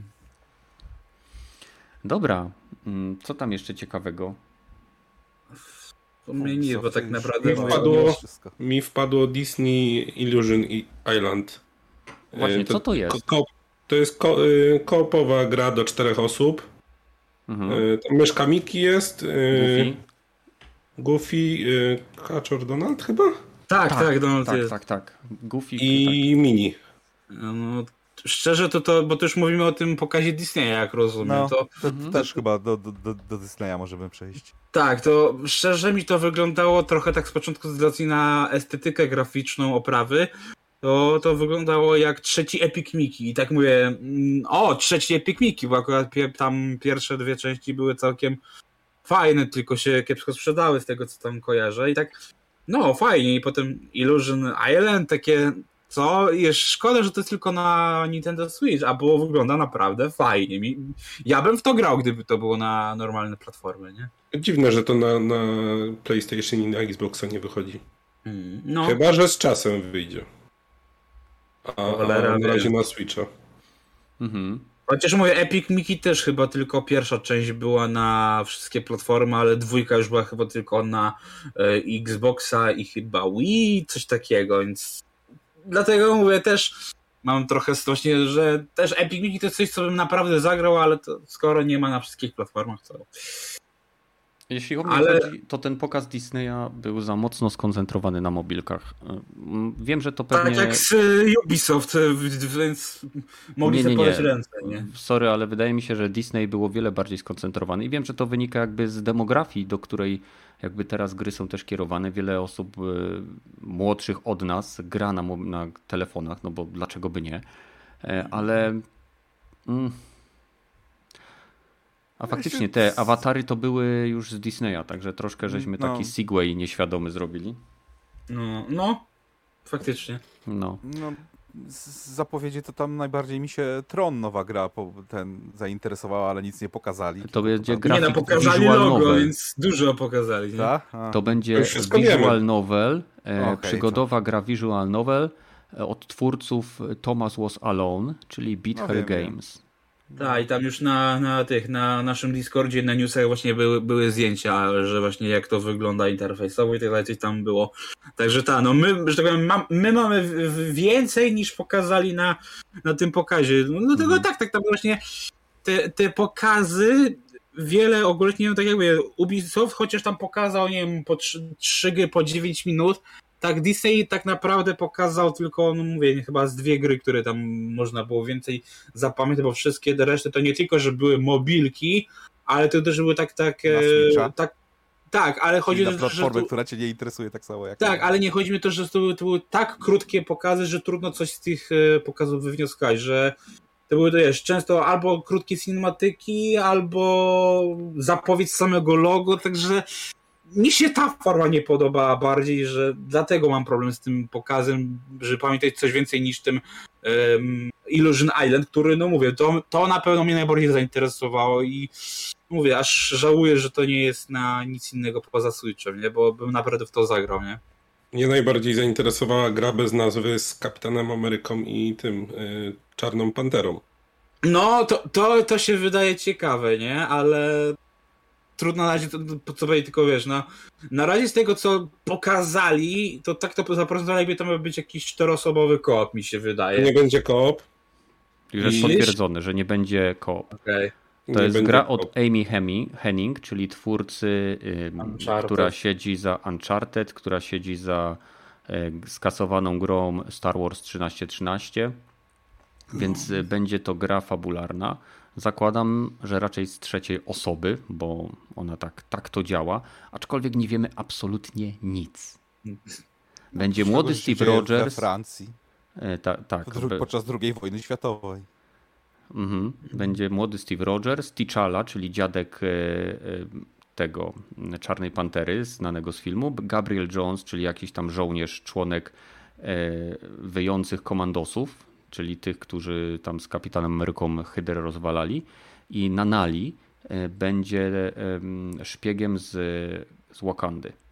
I nie rozumiem, czy to będzie na zasadzie takiej, że będziemy mogli misję wykonywać różnymi bohaterami, to będzie otwierało nam nowe sposoby przejścia, czy będziemy mogli się zmieniać w trakcie rozgrywki, e, bo ani, ani trailer, znaczy trailer lekko sugeruje, że e, jakby Czarna Pantera może mieć coś e, jakby przeciwko kapitanowi Ameryko, Ameryce jego kumplowi, ale nie wydaje mi się, żeby to było tak, bo sama, sama, sam artwork pokazany jakby w, na miniaturce trailera nie sugeruje wrogości między tymi czterema postaciami.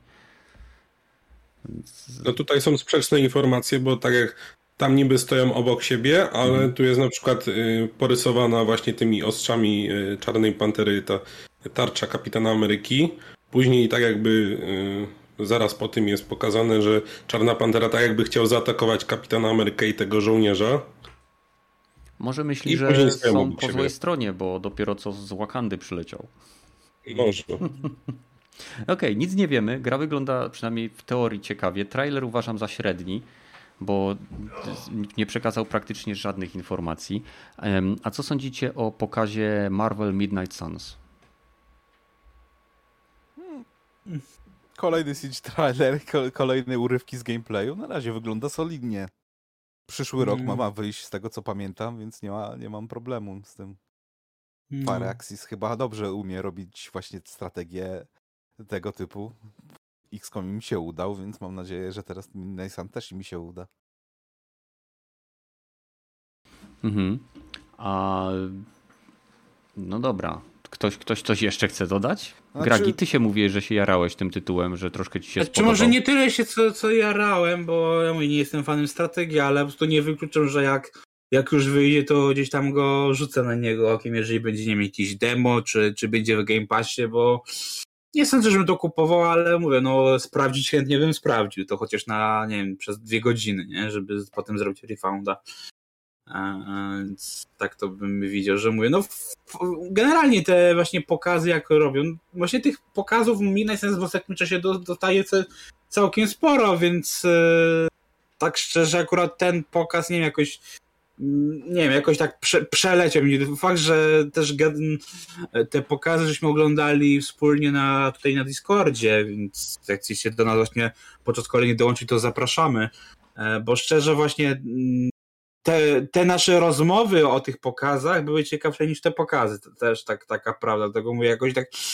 Nic mi się nie rzuciło specjalnie w oczy w tym przypadku w Midnight Sense, ale, ale mówię, no fajnie, że gdzieś tam jakąś tam datę podali i mówię, no ja na pewno będę chciał na to rzucić okiem, nie? Ale w porównaniu z tym, jak mówię, ostatnio były pokazy, nie wiem, czy to właśnie Spider-Man, czy tam, tam Iron Mana w ostatnim czasie, no to ten akurat pokaz był taki sobie mi się wydaje, nie?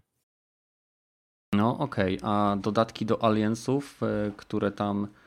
To były dodatki, czy w sumie gry? Bo ja już się gubię. ta nowa Tyle gra tych... Alliance Dark Descent. Dark Descent. chyba tam no. zaprezentowali. Też to Co wygląda to ma być w ogóle? Strategia izometryczna z, góry widziana. W czasie rzeczywistym się dzieje, z tym, że no, niby XCOM, tylko że nie ma chyba pauzy, nie? że nie ma turu, tylko że w czasie rzeczywistym się dzieje. Nie? Hmm. Tak mi się tak, tak właśnie, wyglądała z tego, co widziałem. Właśnie z tym, mi się, z tym mi się właśnie kojarzy obcy. Z widokiem z góry, żebym nie czuł żadnego lęku i niepewności, skąd nadejdzie zagrożenie. No, bez sensu dla mnie takie to jest. No. no. A grałeś może w tą grę z Amigi, Alien, mhm. taką... Alien Bread? Alien Bread, no. No, grałem. To, to, mniej więcej chyba w tym kierunku chcieli pójść, tylko że całą grupą, że nie jedną osobą mm -hmm, się mm -hmm. działa, gra, tylko całą grupą się. Zresztą, zresztą świat jak świat, niech robią co, co im się podoba, nie mają prawa licencyjne, bo to Disney. Mm -hmm, nie mam z tym problemu.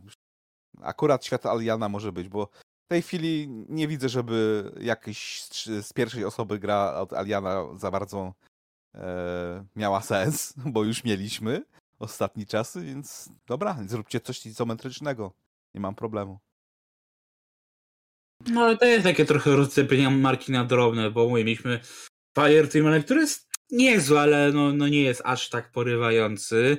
Teraz mamy izometrię, tak, no to mówię, oni nie wiedzą chyba, co z tym alienem zrobić tak do końca, więc tak mówię, wpychają go gdzie tylko się da i tak poza tym Isolation to nic ciekawego nie, nie wyszło, nie? Tak znaczy, ja mam wrażenie, że oni próbują z, zarobić jak najwięcej na tej franczyzie i pchają to wszędzie, gdzie tylko mogą zobaczyć. A co sądzicie mm. o nowych go-kartach od Disneya?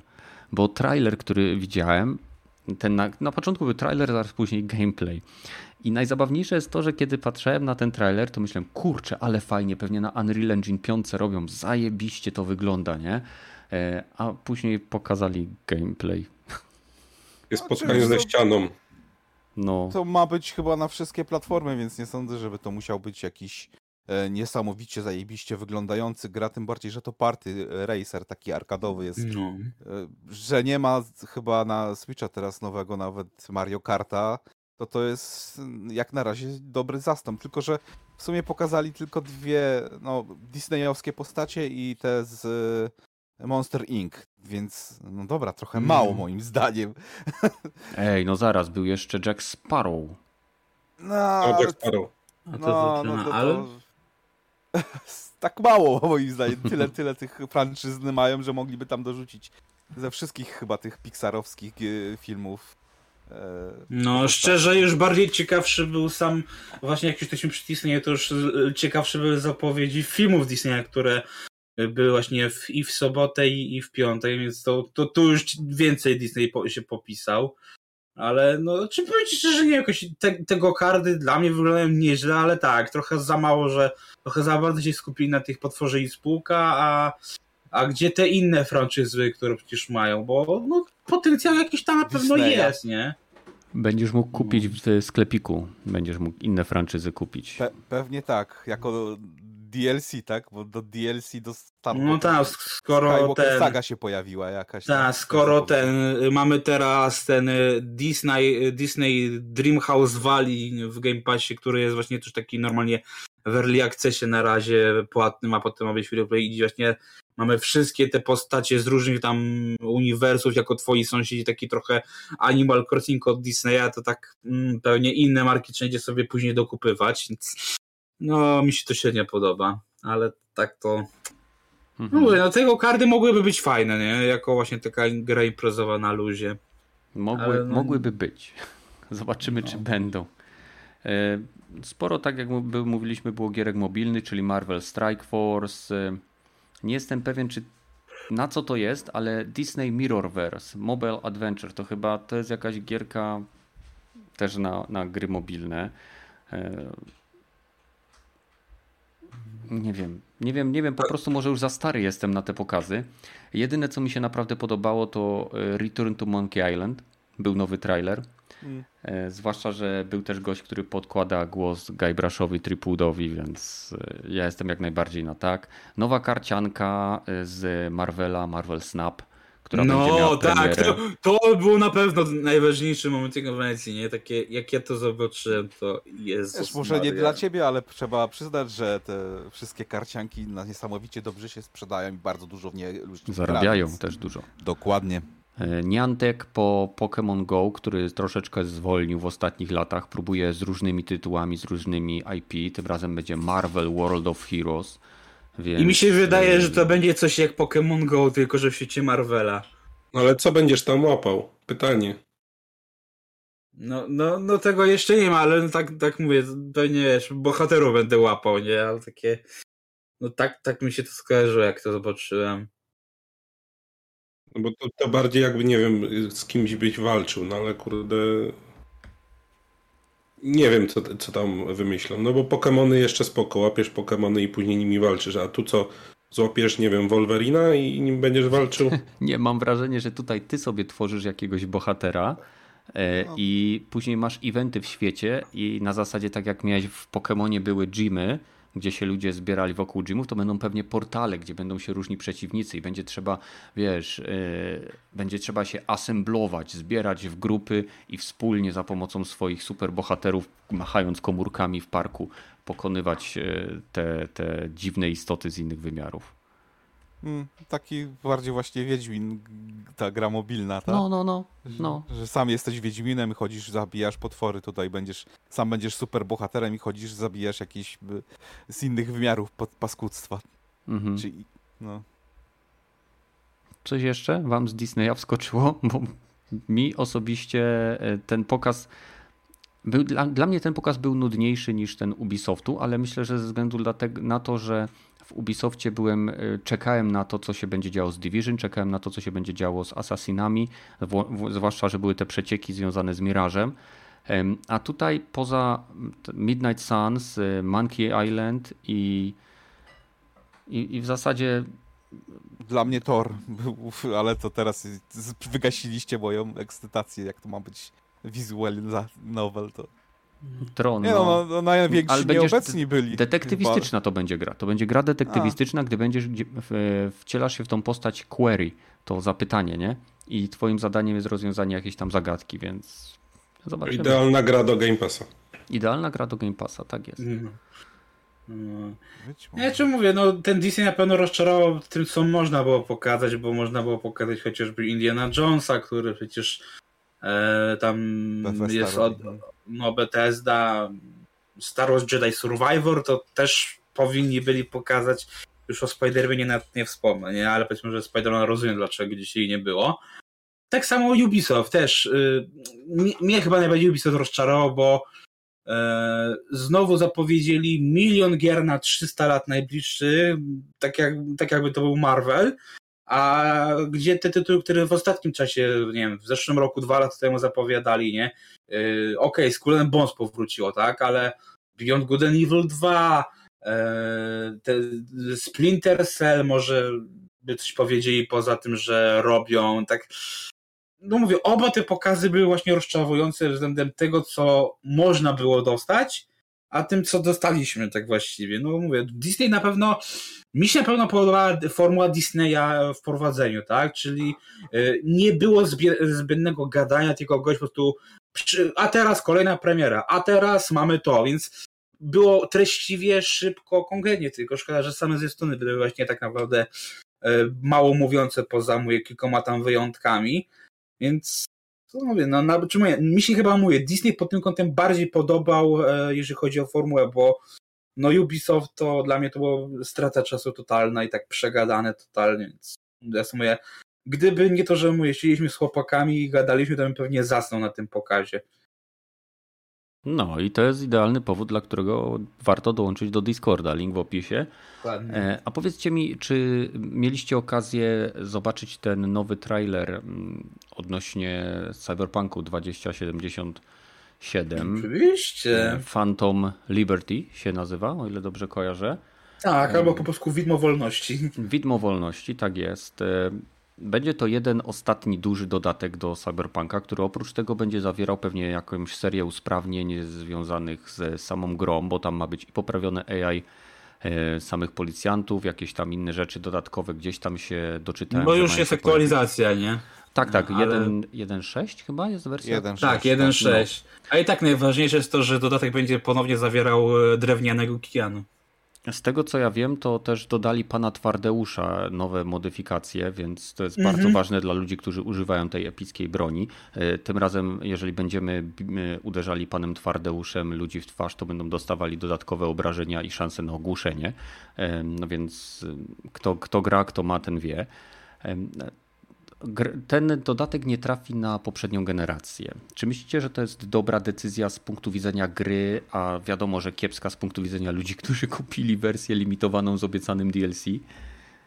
Ale za to właśnie te osoby, które kupiły, też właśnie powiedzieli, że jeżeli kupiłeś e, tę konsolę limitowaną, dedykowaną cyberpunkowi, mm -hmm. to je, e, przy, jeżeli ją kupiłeś tam chyba, czy zamawiałeś przez e, Microsoft bezpośrednio, to dostaniesz zwrot części właśnie za, która by przynależała do do dodatku, tak? Czyli to, co byś wydał na dodatek, ci zwrócą. Tak, ale w formie e... Microsoft Points, z tego co Właśnie, wiem. właśnie, właśnie, nie? Ale wiesz, dobrze, że chociaż jakaś tam będzie forma e, zwrotu, nie? Mhm. Ale mi się wydaje, że mówię, jeżeli to jest tylko jeden dodatek i. Ale i zależy jak że... duży. No właśnie, bo mi się wydaje, że to, to jest. Mi się Krew i wino było duże na przykład, nie? nie? Że, że będzie musiał być właśnie, wiesz, e, tak jak serce z kamienia plus krew i wino razem wzięte. Będę musiał być taki, mhm. takiego rozmiaru, żeby, że tak powiem, spełnić oczekiwania. E, czyli tak jak wiesz, tak jak nie wiem, oba były po 6-10 godzin, to teraz musisz to połączyć razy dwa. E, mi się wydaje, że mimo wszystko jest to słaba decyzja. Z jednej strony na pewno wiesz, fajnie, że się odcinają, że już nie będzie takich problemów jak na premierę Cyberpunka, ale mimo wszystko biorąc pod uwagę, że wiesz, obiecywali, do trzymywali, to mi się wydaje, że to będzie strzałem w stopę, tym bardziej, że no dalej dużo osób nie ma tej konsoli yy, nowej generacji, a po podwyżkach e, Sony teraz zrobiło, że okej, okay, w momencie jak daliśmy podwyżkę, to i dosta nową dostawę dorzucili i będzie teraz więcej wolnych sztuk, ale mi się wydaje, że wiesz, no jeszcze w najbliższym czasie się też ludzie aż tak nie będą jeszcze na to rzucać, więc e, to wiesz, te 100 milionów, czy tam 13 w przypadku Cyberpunka, które tam zamówiło, no to ma prawo być tak rozczarowane mimo wszystko. Zgadzacie I, się? I mi się to odbije czkawco. Piechu, rogaty, zgadzacie się? Że Dla to... mnie to jest kurde w ogóle dziwna decyzja, że oni to nie wypuszczają na starą generację. Ja wiem, że może by to nie poszło, chodziłoby w 15 klatkach, no ale podstawka jest, dodatku już nie ma. Rozumiem, jakby to był dodatek samodzielny, czyli nie potrzebujesz podstawki. Znaczy, wiesz, dla mnie byłoby to zrozumiałe, gdyby to było wiesz, jakiś nowy fragment miasta, nowy świat, coś tam, a... To ma być wiadomo, nowa lokalizacja. To chyba ma, mają być nowe lokalizacje. A, nie, bo mi się wydawało, że tu w tym samym y, tym, w tym, co, co już było, nie? Dlatego mówię, jeżeli Wiesz, okej, okay, jeżeli wyjdzie nowa lokalizacja, okej, okay, rozumiem, ale jeżeli zostaną w tym, co już było Night City, yy, w takim, jakim jest, no to spokojnie to mogło wyjść na poprzednią generację, moim zdaniem, nie? Myślę, że znaczy, okej. Okay. Ja generalnie byłem zdania, że powinni od razu zostawić poprzednią generację. No to, to więc... wtedy tak, od razu tak, ale jak już wydałeś, więc... czy już się mleko rozlało, no to ją dbaj o to, nie? Więc być może ch chcieli zrobić jakieś rzeczy, których po prostu starsza generacja nie była w stanie pociągnąć i żeby nie wyszło to znowu na takie, że robimy dla wszystkich i tak naprawdę wychodzi nam nic, no to podjęli trudną decyzję, żeby się odciąć. Albo opcja B, większość sił już pracuje nad jakimiś prototypami nowej serii Wiedźmina, a, to, a, ten, a ten element został po prostu połatany z tych dodatków, które miały być wypuszczone, bo z tego co pamiętam na początku miały być chyba dwa duże dodatki, tak? Coś mhm. takiego, że miały być dwa duże dodatki zapowiadane i być może wzięli te asety, to co tam zostało porobione, polepili to w coś jednego i stwierdzili, no dobra, musimy to wydać, bo inaczej będzie pozew zbiorowy, zwłaszcza w USA. No i dupę nam urwą, nie? Więc... No ale i tak może być pozew, że nie wypuszczają to na no, starą być. generację trzeba by spytać jedyną osobę, która to dotyczy, ale która jest dzisiaj nieobecna, Badyla, pozdrawiam. Mhm. Aczkolwiek e, co do tych ludzi, którzy kupili właśnie tą, jeżeli chodzi o Xboxową wersję z tym dodatkiem, to no nie wiem ile tam tych kopii się mogło sprzedać w tej wersji, więc 100 tysięcy max. E, więc z 10 tysięcy ludzi pewnie z tego powodu może być niezadowolone, że na limitowanej edycji nie będą mogli sobie zagrać ten dodatek. Z tym, że to nie jest pierwszy raz jak coś takiego się dzieje, że tak, gra jest cross-platformowa, ale zarzucamy developing na poprzedniej generacji, bo Battlefield 4 chyba już tak miał.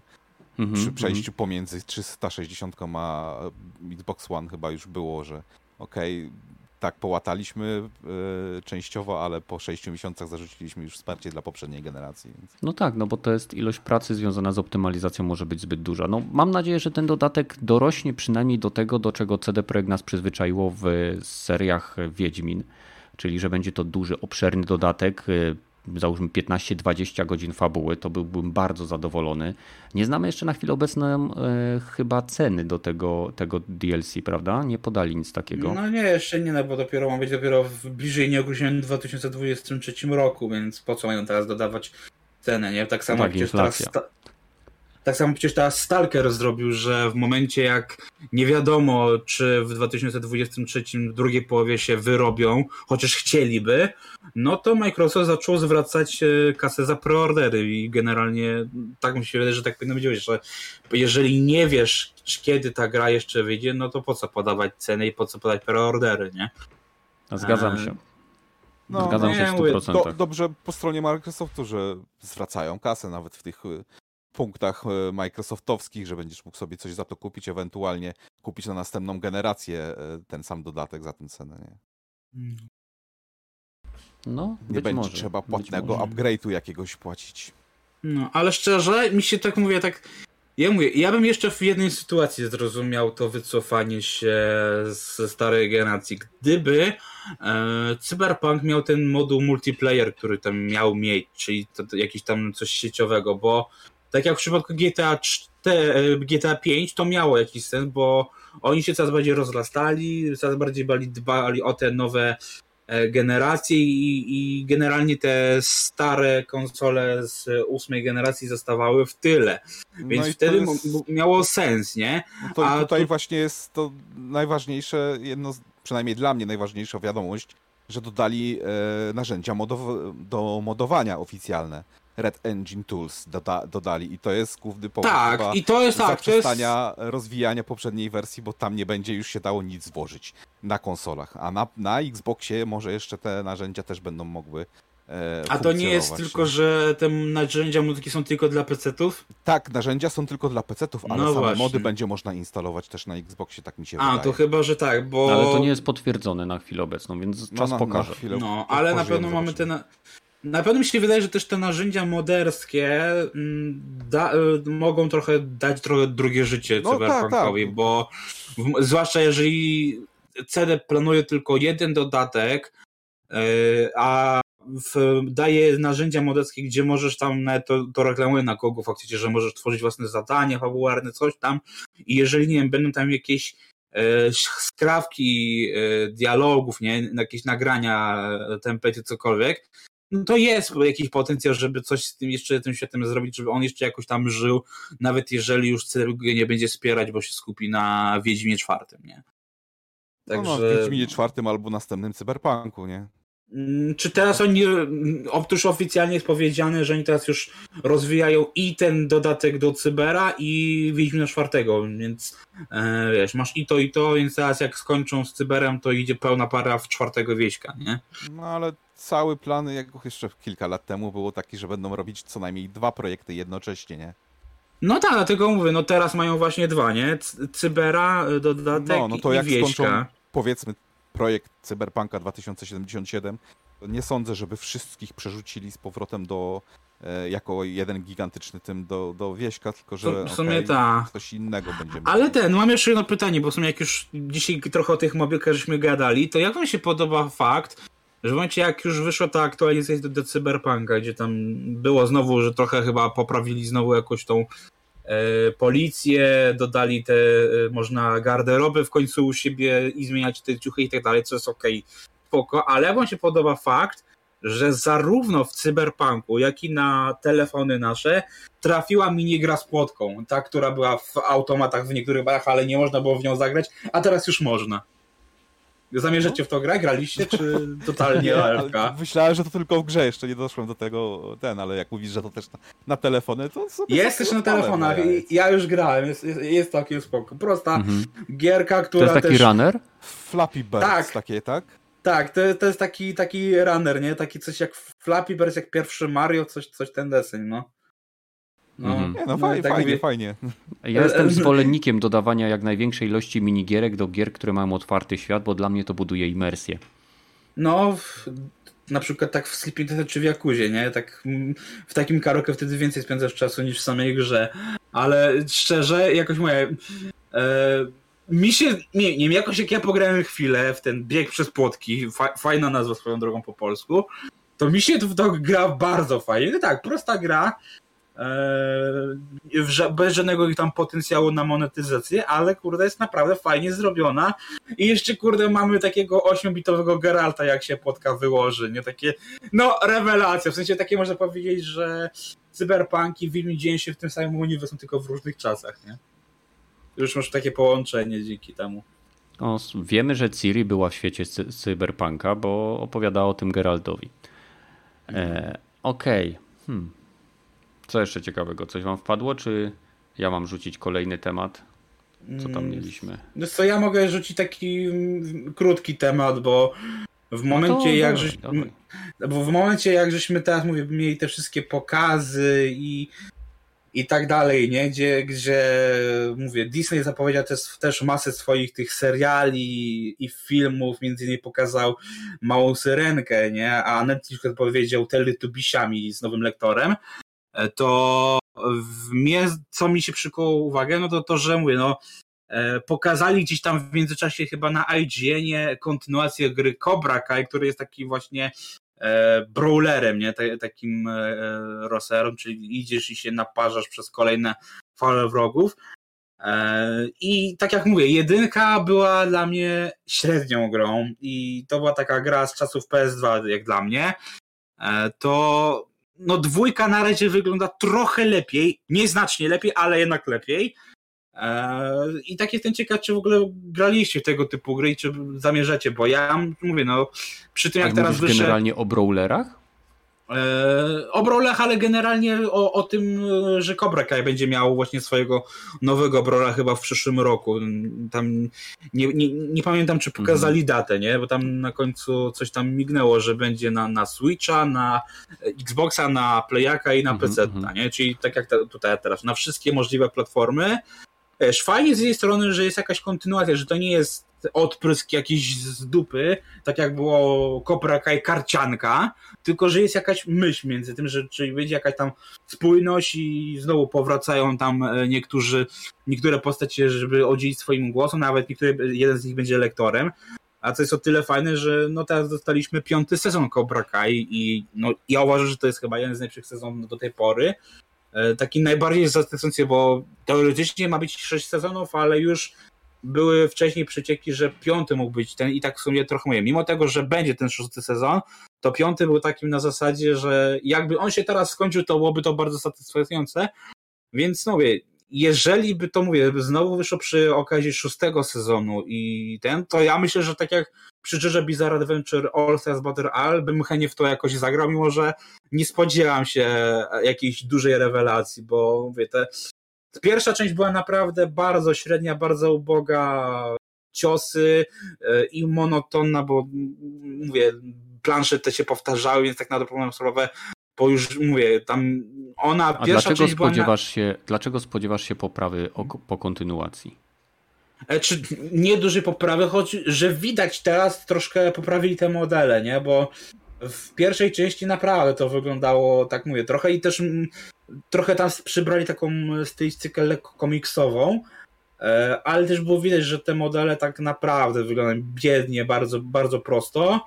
E, tutaj już powiedzmy jest troszkę, one lepiej wyglądają tak troszkę bardziej, może nierealistycznie, ale tak bardziej wiarygodnie i bardziej przypominają swoje pierwowzory, tak trochę teraz wyglądają mniej więcej jak lalki, a nie jak e, e, wiesz, przerysowane postacie z komiksu, mhm. więc to wiesz, no pozwól no jeżeli... nam odpowiedzieć okay. na pytanie, no, czy gramy w brawlery i czy planujemy Czy zamierzycie w Cobra Kai, nie? Jeżeli e, nie. ogląda Cobra. E, gram w, w brawlery, ale głównie są to brawlery ze starych automatów MAME, czyli Alien vs Predator, Punisher, nie wiem, Cadillaki Dinozaury, Streets of Rage, co tam Czy jeszcze? teraz Żółwie Ninja, co teraz wyszło? Żółwie Ninja jeszcze nie grałem, ale wiem, że gra wygląda perfekcyjnie dla mnie. Tak samo jak e, remake e, Asterix i Obelix, e, tego brawlera takiego side-scrollowego. Uwielbiam takie gry, nie mam za bardzo czasu, żeby grać w nie, ale planuję sobie zakupić taką malutką, wyglądającą troszkę, troszeczkę jak Game Boy, przenośną retro konsolkę, która się nazywa Mi U2, o ile dobrze kojarzę i zobaczę, jak to wszystko będzie chodzić. Jeżeli, jeżeli uda mi się dostać, to być może właśnie będzie jakaś recenzja lub informacja o tym mm. sprzęcie, bo wiem, że można na niej emulować bardzo wiele rzeczy, włącznie z niektórymi grami, na przykład z PS1, z, no z PS2 nie, ale z PS1 jeszcze podobno jakieś prostsze chodzą. Więc teoretycznie automat MAME lub jakiś inny arcade też powinien na tym pójść. Zobaczymy. Ale 10 godzin kampanii w korze cię nie interesuje nie interesuje mnie, bo no. y, mam wrażenie, że gra jest y, robiona na licencji nie po to, żeby być dobrym tytułem, tylko po to, żeby być na licencji. Zgadza się. No, to więc zgadza. nie wiem, Ale piechu rogaty. Ja tam w brawlery nie gram, także się nie wypowiem. Sorry. Mm. Hmm. Rogaty? Ja też raczej sporadycznie gram, więc też nie mam za bardzo do powiedzenia. No, no, Więc widzisz, tutaj mam wrażenie, że przez to, że jesteś fanem Cobry Kai, e, no. inaczej zupełnie patrzysz na, na ten tytuł, bo no, sam powiedziałeś, to nie jest najwyższych lotów tytuł i to, co powód, dla którego po niego sięgnąłeś, nie jest dlatego, nie jest taki, że siedzisz i grasz no. w każdą grę tego typu, tylko dlatego, że albo to były Żółwie Ninja, albo to było Cobra Kai. No, ale, ale żółwi ninja i, i że były dobrą marką i fajnie wyszła gra. Sam no, o tym mówię. O tym ja mówię. bym chciał właśnie, wiesz, właśnie gdyby Cobra Kai dostała taki brawler, nie? Ta, w takim klimacie, jakiś właśnie z jakimś budżetem, a to serio, te, te dwie części to naprawdę wyglądają takie zróbmy cokolwiek, bo mamy licencję i to serio to wygląda, mówię, jak budżetówka na kolanie na, dla, dla PS2. Tak serio, masakra jest to, co oni robią, a naprawdę taką mhm. porządną bijatykę w tym świecie by się można było zrobić i, i byłoby to fajne, nie? Cała Cobra Kai opiera się na biciu, więc jak najbardziej teory... no. w teorii jest to do zrobienia, ale być może nie wiem, nie do końca. Chociaż mnie zaskoczyło fakt, że jednak wiesz, właśnie dają dwójkę, bo nie kojarzę, żeby ta pierwsza część się aż tak jakoś rewelacyjnie sprzedała. I... Nie wiesz, jak tania była w zrobieniu. No, Może i tak, tak zarobili. Ale może jeszcze mają licencję po prostu i no, chcą to wykorzystać, żeby tak. coś tam jeszcze zarobić. Albo mają licencję na takiej zasadzie jak niektórzy wydawcy, że aby ją utrzymać, muszą co jakiś czas wydać tytuł z, danego, z danej franczyzy, z danego IP. E, jeżeli tego nie zrobią, to tracą licencję, prawda? Swego czasu, y, nie pamiętam jakaś firma zapomniała wydać, czy nie udało jej się wydać tytułu na licencji, którą tam miała właśnie w taki sposób zrealizowaną i stracili prawa do tego tytułu. A odnośnie tracenia praw do tego tytułu, tu nam piękny tytuł y, Segway przejdzie, e, związany z ostatnim, ostatnią wypowiedzią Jima Ryana na temat y, wywiadu, który, czy rozmowy, którą Phil Spencer gdzieś tam udzielił i dotyczy to oczywiście e, przejęcia e, Microsoft Activision Blizzard King, bo to pełna nazwa Activision Blizzard King e, przez Microsoft i wszystko kręci się w chwili obecnej wokół Call of Duty. I żeby tutaj jakby wprowadzić może naszych słuchaczy do tematu, sprawa rozbija się o to, że Phil Spencer jakby ujawnił pewną prywatną czy wewnętrzną, wewnątrz biznesową rozmowę między, nie wiem, między nimi, w sensie między Jimem Ryanem i Philem Spencerem. Chodziło o jakąś propozycję, która została tam przedstawiona, która jest troszeczkę sprzeczna z pewnymi informacjami złożonymi w dokumentach, które zostały złożone do niektórych urzędów regulacyjnych, y, które mają nadzorować i zezwolić lub zabronić połączenia Microsoft i Activision Blizzard. Technicznie nie jest sprzeczna, ale okej, okay, kontynuuj. Tech, technicznie nie jest sprzeczna, ale też nie jest zgodna. No, dobra, to żeby niewtajemniczony wiedzieli, technicznie e, Mam Jim Ryan, się oburzył, Jim Ryan oburzył się o to, że otrzymał rzekomo kontrakt, który pozwala przedłużać e, tak jakby obecność Call of Duty na kolejne 3 lata po zakończeniu obecnego kontraktu, który jest e, do tej gry obecnej, która ma teraz wyjść. Który poprzedni był na 20 2. lat. Ale okej. Okay. Nie, nie był na 20 lat. To pierwsze słyszę, że był na 20 lat. Był w słowach Jima Ryana, ta franchise Call of Duty był przez 20 lat na Okej, okay, masz rację. Nie miał kontraktu pozwól, na 20 no, lat. Pozwól, że przeczytam to, co tam E, najpierw to, co Microsoft wysłał do Sony. Tak? W styczniu przekazaliśmy Sony e, ugodę, e, aby zagwarantować Call of Duty na PlayStation z, z równorzędnością funkcji i treści przez co najmniej kilka kolejnych lat poza obecną umową Sony. Ofertę, którą, którą, oferta ta znacznie wykraczała poza typowe umowy w branży gier. I teraz tak, od, odnosząc się teraz bezpośrednia odpowiedź Phila Spencera na to. Nie miałem zamiaru komentować tego, co uważam za prywatną dyskusję biznesową, ale czuję potrzebę wyjaśnienia sprawy, ponieważ Phil Spencer wprowadził to na forum publiczne. Microsoft zaoferował, że Call of Duty pozostanie na PlayStation przez 3 lata po wygaśnięciu obecnej umowy między Activision i Sony. Czyli to nie była umowa, tylko to była propozycja. Proponuję Wam jeszcze 3 lata.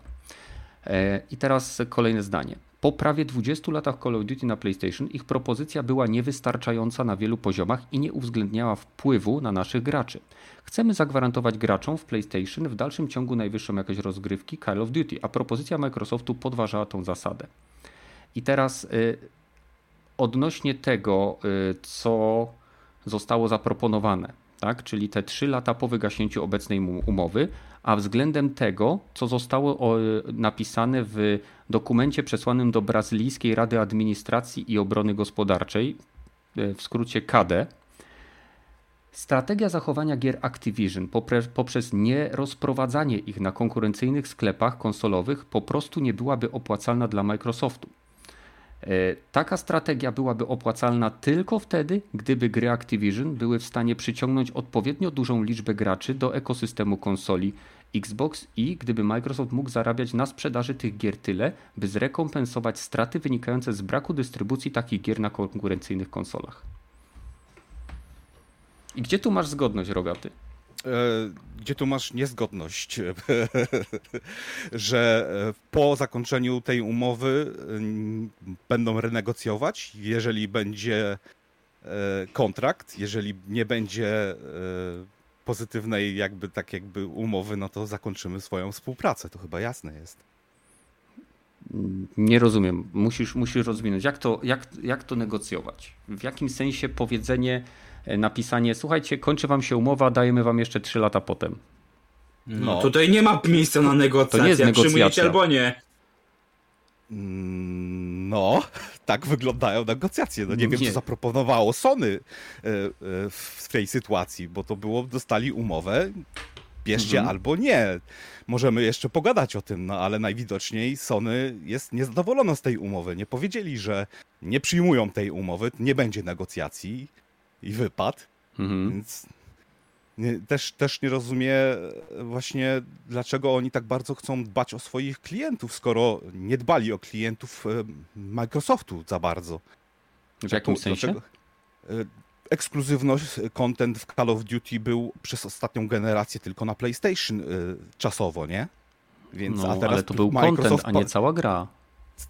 A teraz Microsoft proponuje im na kolejne 3 lata równowagę, ten, taką samą, więc nie rozumiem. No. Mi się wydaje, że problemem może być tutaj to, znaczy wiadomo, że Jim Ryan robi tutaj pewien kwas po to, żeby zobaczyć jak zareaguje społeczność graczy, po to, żeby z kolei e, te urzędy zajmujące się administracją e, tego typu biznesu zobaczyli jak reaguje społeczność i ewentualnie A, wpłynąć to, to na... To wiadomo, że to jest gierka. To, to, tak? jest biznes, to jest biznes. To tutaj całe te, te e, gadanie mhm. na publicznie i tajne jakieś rozmowy no, ale... e, za, zaszufladkowe, to to jest też biznes, żeby wyrwa, wywrzeć właśnie mhm. presję na Microsoftu, żeby dali lepsze warunki, że na więcej niż te 3 lata po zakończeniu obecnego kontraktu. Mi się wydaje, że tutaj jakby, bo to, że oni dostali 3 lata, okej, okay, być może to jest y, y, na przykład większe, większa licencja, czy dłuższa licencja niż za, zazwyczaj. Być może normalnie w w branży przedłuża się o rok. Tak? Co roku o rok, nowa, nowa negocjacja i tak dalej. E, wydaje mi się, że jeśli Sony miałoby się oburzyć, bo przecież jakby dostali na 3 lata, to czy obruszyć, nie zgodzić, to nie byłoby źle. Prawdopodobnie nie było tam zapisu, który mówił, że później ta umowa będzie renegocjowana i ta ekskluzywność y, nie zostanie nagle przerzucona na stronę Microsoftu. Chodzi o to, że tak, oni boją się pozostawienia się. na lodzie i dlatego mogli to odrzucić i dlatego, bo Phil Spencer powiedział o tym, że zaproponował Sony przedłużenie umowy, które wykracza poza to, co jest w branży gier, po to, żeby postawić Microsoft w pozytywnym świetle względem tych właśnie organów y, no, nadzorujących to przejęcie. No więc to było dobre, tak? No, no, daliśmy im więcej niż normalnie daje się w branży. A Phil z kolei stwierdził, aha, aha, on sobie ich tutaj smaruje między pośladami, no to ja mu tam, nie wiem, e, nasypę gruzu, nie? No i wypowiedział się jak się wypowiedział. No, e, i tu właśnie e, troszeczkę razi hipokryzja Jima Ryana, bo absolutnie nikt nie, nie, nie wspominał o tym, że czy następna gra od Bungie będzie na konsoli Microsoftu tego już e, absolutnie nie, wszyscy przemilczeli. Nie? No to, to, Powiedza, tak... Jest powiedziane że, powiedziane, że będą multiplatformowe. No, więc te, teraz tak samo czyli jest PlayStation i PC. Że, e, czyli PlayStation PC. No to też, tak samo będzie multiplatformowe kolejny Call of Duty być może, czyli I gry BTC. Xbox i PC. Xbox i PC. No, no więc... zwłaszcza ten szósty Elder Scrolls będzie multiplatformowy, nie? No, będzie. Te, tego nie wiemy, bo będzie tak, na... tak daleko na Switchu? Nie, na razie powie... nie, akurat powiedzieli, że to będzie tylko na wyłączność Xboxa, także... Nie, na PC no, też będzie, na, PC, na, na PC pewnie też będzie. No i na PC, tak, ale no wiesz, to, to jest, multiplatforma. cały czas tego samego, nie? To jest też Microsoft, więc... Nie, to są dwie platformy. Dlatego tak łatwo można użyć w marketingu, że nadal będziemy mieli tytuły multiplatformowe, bo de facto będą mieli. To, to nie będą po prostu platformy konkurencji. A to, że Jim Ryan wyszedł e, na hipokrytę, myślę, że mu nie zależy na tym, że wyszedł na hipokrytę. Bo e, to jest biznesmen i on mówi to, co jest potrzebne, żeby, żeby uzyskać to, co jest mu akurat potrzebne. Tak jak Phil Spencer też będzie mówił rzeczy, które są dla niego korzystne, żeby uzyskać rzeczy, które są korzystne dla jego firmy, nie? Bo nie, no. nie jest powiedziane tak, że Microsoft y, jest aż tak dobry, że przez najbliższe, nie wiem, do 2028 roku Call of Duty będzie na konsolach, ale w międzyczasie Microsoft będzie robił wszystko, żeby przeciągnąć jak największą liczbę osób do Game Passa, który jest mega e, atrakcyjną ofertą, zwłaszcza teraz tak, tak. wprowadzonym tak. Family Planem. I po tym wszystkim, jeżeli będzie wystarczająca ilość tych ludzi płaciła abonament, to oni będą mieli absolutnie gdzieś, czy y, ta, ta gra przyniesie im 100 milionów czy miliard z innej platformy. Bo w momencie, kiedy y, Call of Duty jest jednym z najbardziej dochodowych, czy było najbardziej dochodowych, dochodowych e, elementów e, współpracy między Activision i Sony i nagle to zostanie ucięte, to i tak część ludzi z PlayStation przejdzie na inną platformę, bo Game Pass nie jest drogi, bo jest Family Plan i mają Call of Duty i gry Bethesdy i wszystko za darmo to, to właśnie jest najlepsza lekrama y, Game Passa, żeby ten Call of Duty został jeszcze powiedzmy do końca tej generacji na konsolach y, Sony, bo najprawdopodobniej na konsolach Sony będzie kosztować 339 zł za podstawkę, mhm. a na PC, y, na PC i na Xboxie będzie 4 zł za Game Passa kosztować. Więc... A ceny pójdą do góry, jak już, jak już się nachapią klientów i przyzwyczają ich, to ceny pójdą do góry. No ale w tej chwili tak, tak to wygląda, że mhm bawi mnie niesamowicie to podejście Jima, że e, umowa była nieadekwatna i nie, niesatysfakcjonująca. To nie rozumie, jaka by była, że dają im e, ekskluzywność Call of Duty na PlayStation przez kolejne 8 lat. To by była to umowa usłyszeć. wykraczająca poza standardy rynku. Nie, no wydaje no mi się, że no, problemem no. było e, nieodniesienie się do wydarzeń po zakończeniu następnej umowy. Bo A czasem jak podpisujesz umowę, to na przykład w przypadku, na, prosty przykład, zupełnie niezwiązany z branżą, e, umowa najmu. Często w umowie najmu, e, w przypadku osoby najmu, najmującej, e, nie wiem, mieszkanie czy lokal na wiele lat, jest klauzula, która zapewnia ci pierwszeństwo w, przy, przedłużaniu, przy przedłużaniu umowy. Czyli w momencie, kiedy kończy ci się umowa, to nawet jeżeli jest inna osoba, która chce wynająć ten, y, to mieszkanie, to ty masz pierwszeństwo na negocjacje w przedłużeniu jej. No, to, to musielibyśmy zobaczyć cały ten kontrakt, bo to no wiem, no tutaj wyglądać dużo tak, rzeczy że... zgadujemy. Y, no. Gragi, Piechu, jak, jak, y, co sądzicie o tej takiej sztucznej, sztucznie nakręcanej imbie? Nawet jakby dodali do tego, do tego kontraktu, że nie będzie regenerac przedłużany, mhm. to nawet po tych trzech latach Microsoft by mógł y, przyjść do, do Sony, powiedzieć, dobra, będziecie mieli tylko teraz 1% Skoda i płacicie, nie wiem, miliard dolców. Chcieliśmy przedłużyć, ale wy nie chcecie. No Także tak, no, tak. To, to jest taka furtka, nawet, nawet jakby to, co yy, Rogaty mówi, że yy, można by przedłużyć po trzech latach, no to Microsoft może takie warunki stawiać, że to się Sony nawet tak, nie będzie opłacało. Dokładnie takie same strategie będzie używać, jak Sony używało tych strategii do dziś dzień, po dziś dzień. Że cross-platformu nie będzie, bo mi się nie zgadzamy. Dobra, jak już chcecie mieć ten cross-platform, będziecie musieli za niego płacić. Jak to w Fortnite było. Tak, i, i w tym momencie trzeba pamiętać, że każda firma znajdująca się w pozycji władzy, w pozycji bycia liderem na danym rynku, będzie wymuszała na innych firmach e, podległość. Dlatego Fortnite ma tak gigantyczny wpływ na e, sposoby wiem, nie wiem, dystrybucji, czy sposób w jaki gry wyglądają, ponieważ Fortnite jest liderem i, mm. i dlatego on wpływa na całą absolutnie branżę. I nie, za, nie możemy zakładać, wręcz głupotą byłoby zakładanie, że Microsoft czy Sony w momencie, kiedy dojdą do punktu, w którym chcą się znaleźć z pozycją rynkową, będą zachowywali się moralnie, dobrze i będą dbali o klientów. Bo każda z tych firm dba o klientów wtedy, kiedy jest to dla nich korzystne, ponieważ budują sobie pozycję na rynku. Kiedy to no, się skończy. Pre precedens ma w tej chwili Microsoft. Microsoft kupił e, Minecrafta, Mojang, mm. no mm. i do dziś dzień jest na wszystkich platformach, nie? Mm, ale jak go kup... Aha, o to ci chodzi. No tak, no zgadza się, ale...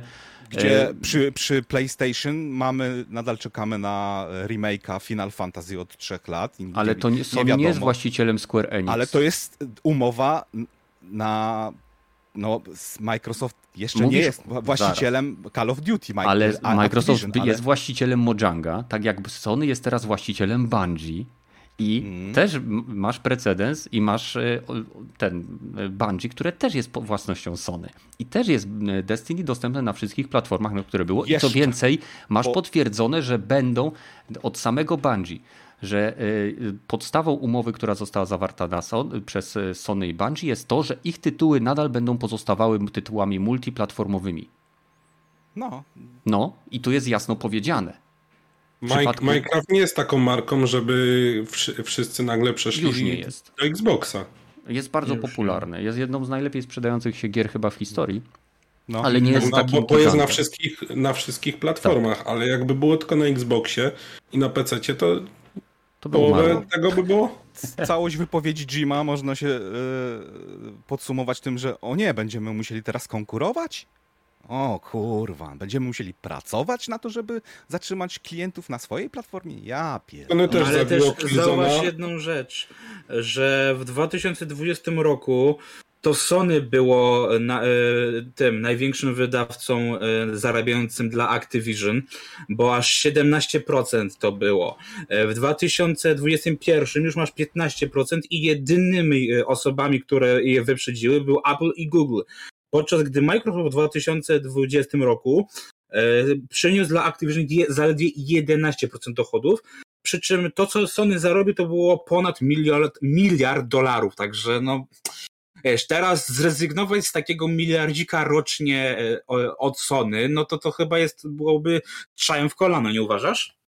Eee, nie, jeżeli bym mógł zarobić 2 miliardy na swojej platformie. Ale rozumiesz, że to na czysta matematyka. Tutaj nie ma, nie ma przynosi takich dochodów, że Activision nie, nie osiąga takich obrotów na konsolach Xboxa? Dobra, to ile zakładasz osób by przeszło e, z platformy Sony na platformę Microsoftu, ewentualnie na PC-ta, jeżeli by nie było już Call of Duty na e, PlayStation? Jeżeli nie było, znaczy tak, na pewno Call of Duty ile, ile osób by, by z tych 16% y, zarobków by ile tych procent by straci, ten przeszło bezpośrednio na, na mm, platformę Microsoftu? 10%? Wiesz, jeżeli mamy 17%, to mi się wydaje, że tak no, z połowa tego by no, ten, okay. bo, wiesz, na, bo wiesz, kwestia jest taka, że poniekąd to nie jest też takie coś nowego, bo jednak z, przez do 2016 roku pierwszeństwo w Call of Duty pod kątem marketingowym i tak dalej miał e, Xbox, więc niejako to... Chyba wcześniej, do 2013, wraz z rozpoczęciem nowej generacji Sony podpisało tak, tak, Activision, tak, tak, że oni będą Tak, mieli mówię, to było w momencie wejścia Black Opsa trzeciego i już nie pamiętam w którym roku wyszedł Black Ops trzeci, dlatego myślałem, że to za było 16, no to mówię, mam z tym problem, ale tak, to było chyba 13 albo 14. 14 albo 13. Tak. E, więc wiesz, na pewno mówi, na pewno amerykański rynek by wrócił na Xboxy i nie miałby z tym problemu. Dokładnie. Ale jeżeli patrząc na, e, biorąc tego, że mówię, e, Call of Duty jest globalną już marką, mówię, jedną z najpotężniejszych w branży, to mi się wydaje, że Europa mogłaby być, mogłaby być duży problem, żeby przejść na Xboxa, nie? Mimo wszystko, nie? Bo tak jak mówię, Ameryka wróci na Xboxa i nie będzie z tym problemu, bo Ameryka jest najważniejszym rynkiem też dla Call of Duty. Ale jeżeli inne rynki, no to może być duży problem, mi się wydaje. Nie? Dlatego mówię, ja bym nie powiedział, że będzie to jakaś duża strata, nie wiem, z 17 na 7%, ale myślę, że tak mówię, z te 5-6% by na pewno dorobku stracili, nie?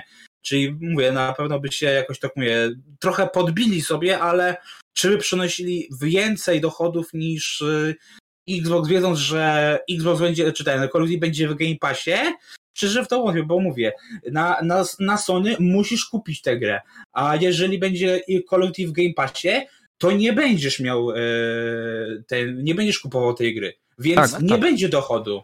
Tak, to jest bardzo ważne też właśnie to, co powiedziałeś, że to nie jest tak, że nie będzie dochodu, bo e, te miliard coś e, dolarów, które tam były zarabiane przez Sony, to wynika nie tylko ze sprzedaży, ale z późniejszych mikrotransakcji. Mhm. I jakby w momencie, kiedy usuwasz pierwszą część sprzedaży, gdzie ilość kopii, która koda się sprzedawała, to były. Jest najważniejsza ilości, na początek. Znaczy, nie? Tak, znaczy one biły rekordy praktycznie z każdą kolejną częścią. Kilka ostatnich y, jakby Ale odsłon serii. Vanguard DLC teraz przynosi najwięcej kasy. Ale nie, nie. No, Rogaty, mówimy teraz o sprzedaży. Y, ilość ze sprzedaży też idzie 30% do Sony, reszta idzie do Microsoftu. Jeżeli coś się sprzedaje w ilości 46 milionów sztuk, tak?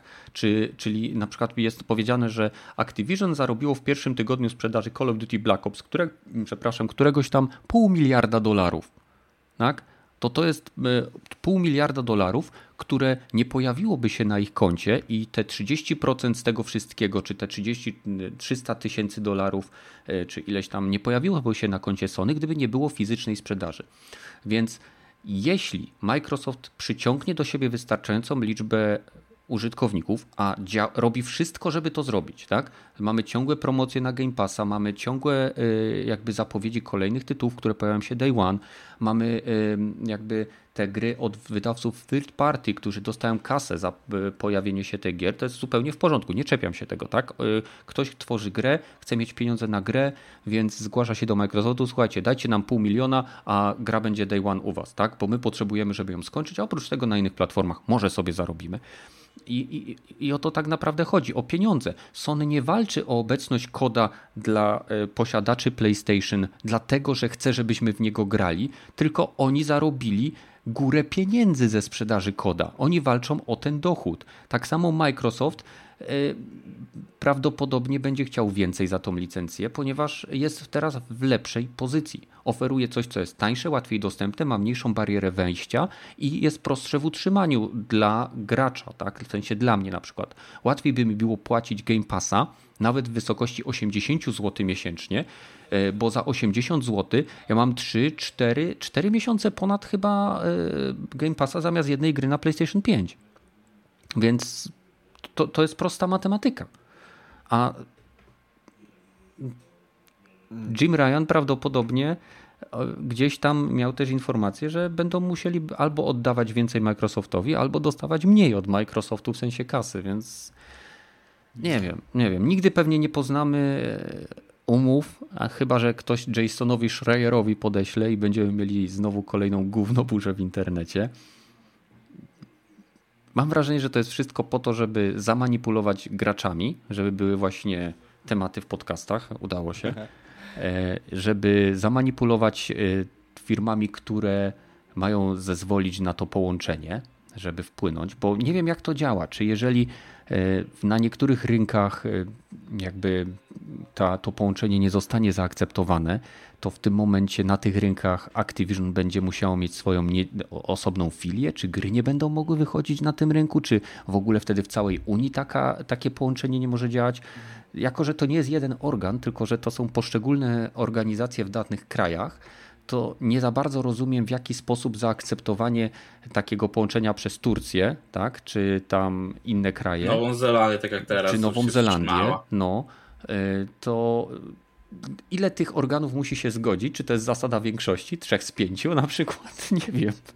No, przypuszczam, że najważniejszą decyzję musi podjąć amerykański e, rząd, mhm. te, nie wiem mhm. jak oni się tam nazywają dokładnie, e, ten, więc jeżeli tam przejdzie, no to automatycznie inne regiony, czy, czy się zgadzają, czy nie, nastąpi tam połączenie, czy wchłonięcie przez Microsoft Activision Blizzard a reszta będzie, okej, deal with it. Jeżeli będziemy musieli zapłacić jakieś kary, to zapłacimy. Jeżeli będziemy musieli przestać sprzedawać gry w tym rejonie, to pewnie zapłacimy.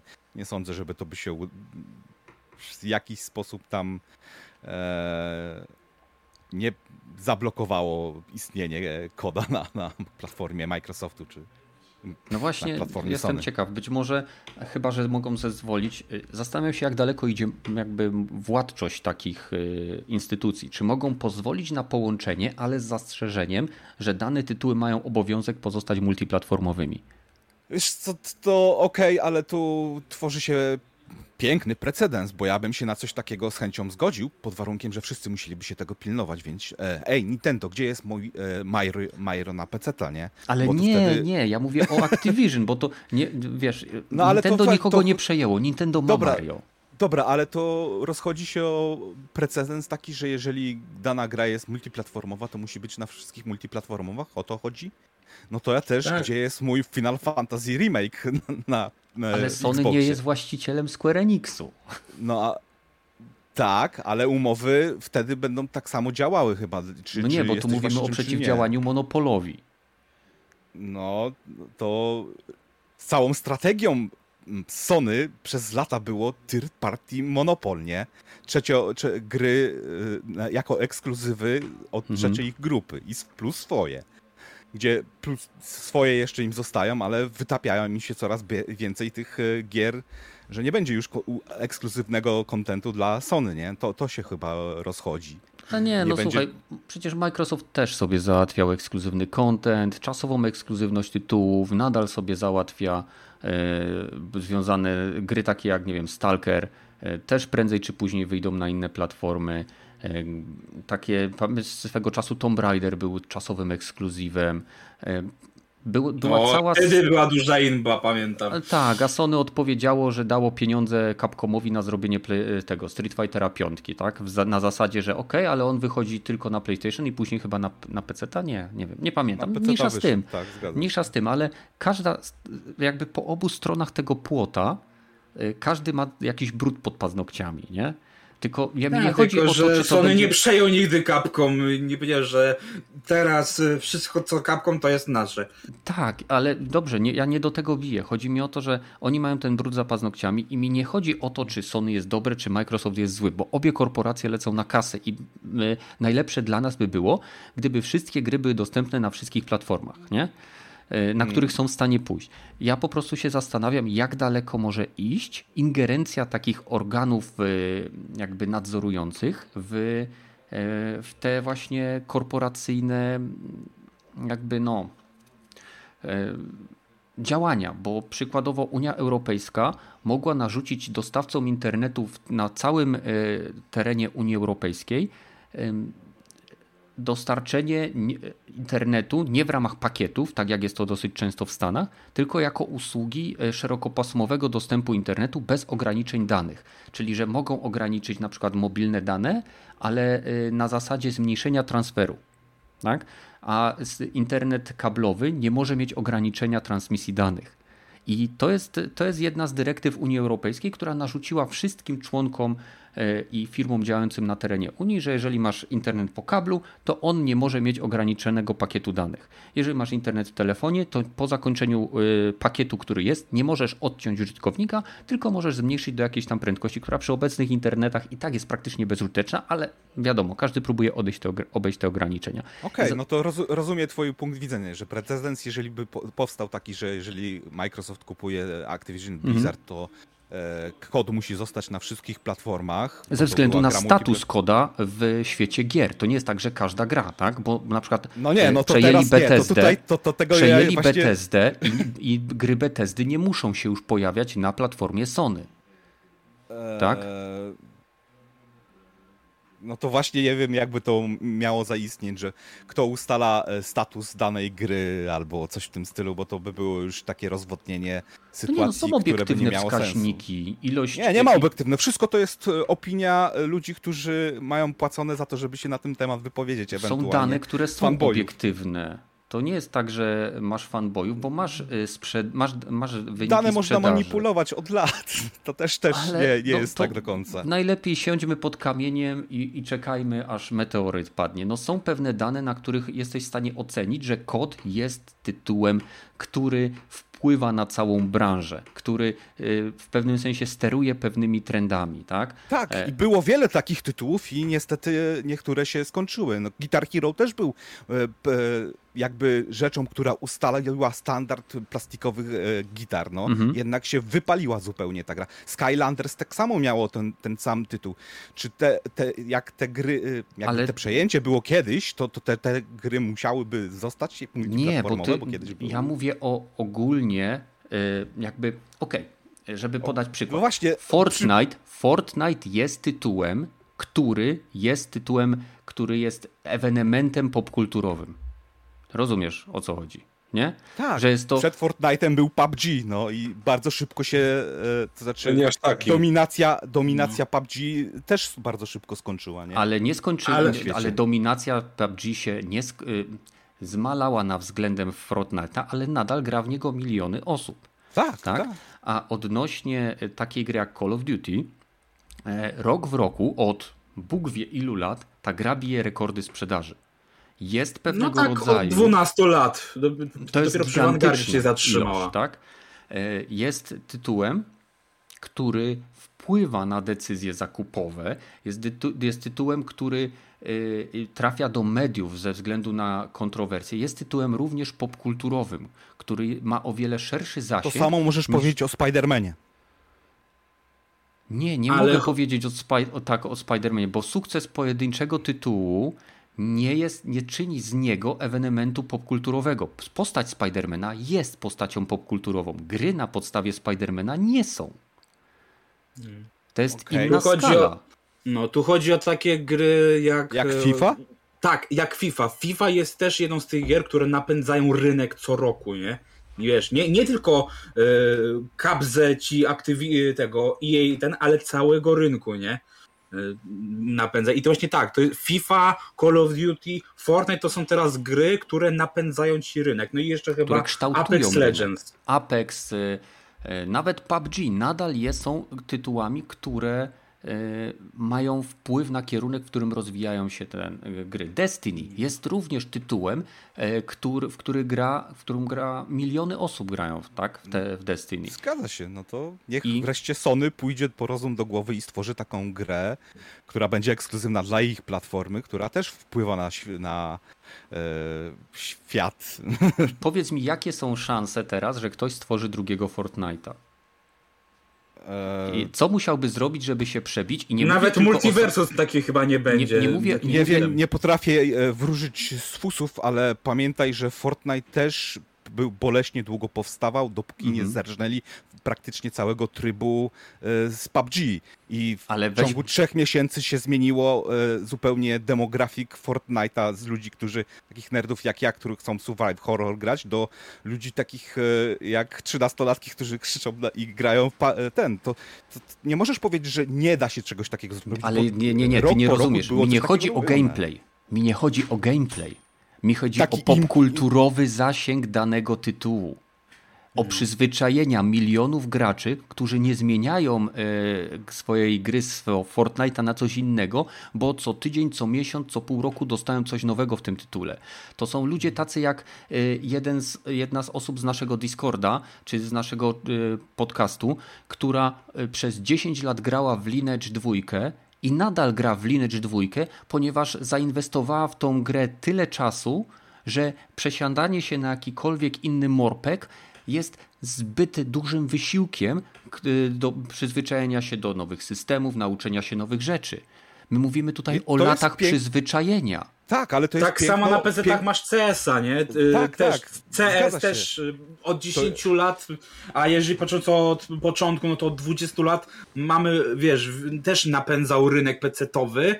Tak samo, wiesz, y, zobacz, na przykład na Behemuta. On od x lat gra tylko w Oryx Might Die, nie? On nie gra w nic innego. Na jeszcze gra. No. Znaczy tak, ale nadal gra, nawet jeżeli gra na stadii, to nadal prze, większość jego czasu to jest, są orki. On nie gra w inne gry. On na wszystko, co wyjdzie, to ci kupi orki, nie? I, ale to, okay. i to jest właśnie przykład takiego ten, nie? Tak samo właśnie mówię. Orki że... też nie są za dobrym przykładem, bo to ma. Nie, ale chodzi, o... żeby zrozumiał o co chodzi, tak? Że właśnie to, to powiedziałeś, że rozumie o co chodzi, tylko że w przypadku orków nie mamy tutaj do czynienia z taką skalą setek tysięcy, milionów ludzi, którzy są przyzwyczajeni do określonej formy rozgrywki. No, Ludzie nie zmieniają że... koda ze względu, nie, nie zmieniają na inne gry niż kod, bo im się nie podoba model strzelania, sposób zachowania broni, e, sposób no. w jaki, e, nie wiem, postać się przemieszcza lub w jaki sposób jest ten gunplay, feeling gunplayu jest unikatowy w pewnym sensie dla koda. Tak jak feeling gunplayu jest unikatowy dla Bungie, Boże, dla Destiny. I ludzie, którzy grają w te tytuły, są już przyzwyczajeni do tego i przejście na cokolwiek innego jest boleśne i trudne. Tym bardziej, że okay, no dobra, ciekaw... no ale to, to, nie znaczy, że Sony nie może próbować czy zrobić czegoś takiego. Tak samo jak Microsoft nie może próbować zrobić czegoś takiego. No ale no tak. Microsoft nie, nie chce próbować, tylko woli kupić to, co wiesz, okay. to tak jakbyśmy powiedzieli teraz, że no to niech Microsoft y, zrobi jakąś grę, która będzie miała postać tak fajną jak Spider-Man. Niech zrobi jakąś grę, która y, osiągnie sukces Kiedyś God of War. Niech zrobi nie? taką grę, która y, osiągnie sukces y, Last of Us. Niech zrobi taką grę, która osiągnie osiągnie i tak dalej można wymieniać. No, no Pewnych dokładnie. rzeczy... próbuję, nie, nie, nie, nie idzie nie do konta i płaczę, że dlaczego my nie mamy e, ekskluzywów Sony na swojej platformie. My też chcemy mieć, no. Ale też zauważ jedno, że też Call of Duty i FIFA są takimi grami, dla których ludzie kupują konsole. Są właśnie ludzie, którzy kupują konsole i grają tylko w FIFA i tylko w Call of Duty. Nic innego, nie? Co roku. No, zgadzam wiesz, się. Są tacy więc, ludzie, znam i to, I to też no napędza i... niejako właśnie rynek i branżę. Jest to takie, wiesz, to, to jest właśnie to, że Jasne, mówię, no, Microsoft ma swojego Halo, ma swojego Master Chiefa. I co? Jakoś nie zrobił z niego takiej gwiazdy, żeby napędzał im, e, wiesz, cały rynek, tylko napędza e, sprzedaż Xboxów, nic więcej. E, ja chciałbym przecież... tutaj. Ja chciałbym jeszcze tutaj tylko powiedzieć o jednej rzeczy. E, zobacz, e, mamy Steam, tak? Mamy Steam. Mamy.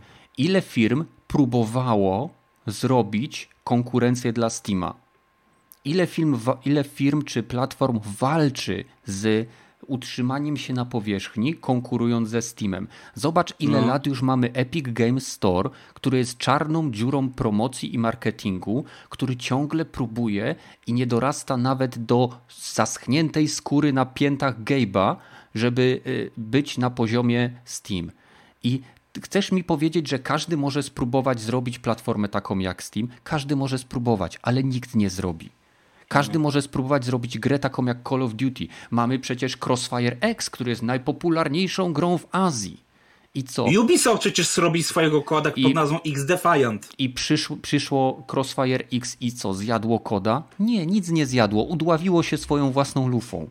Ponieważ Call of Duty jest juggernautem, którego nie da się podrobić i nie da się przeskoczyć. Nie wiem, ile części pod rząd Call of Duty musiałby spieprzyć, żeby fani nie kupili kolejnej części.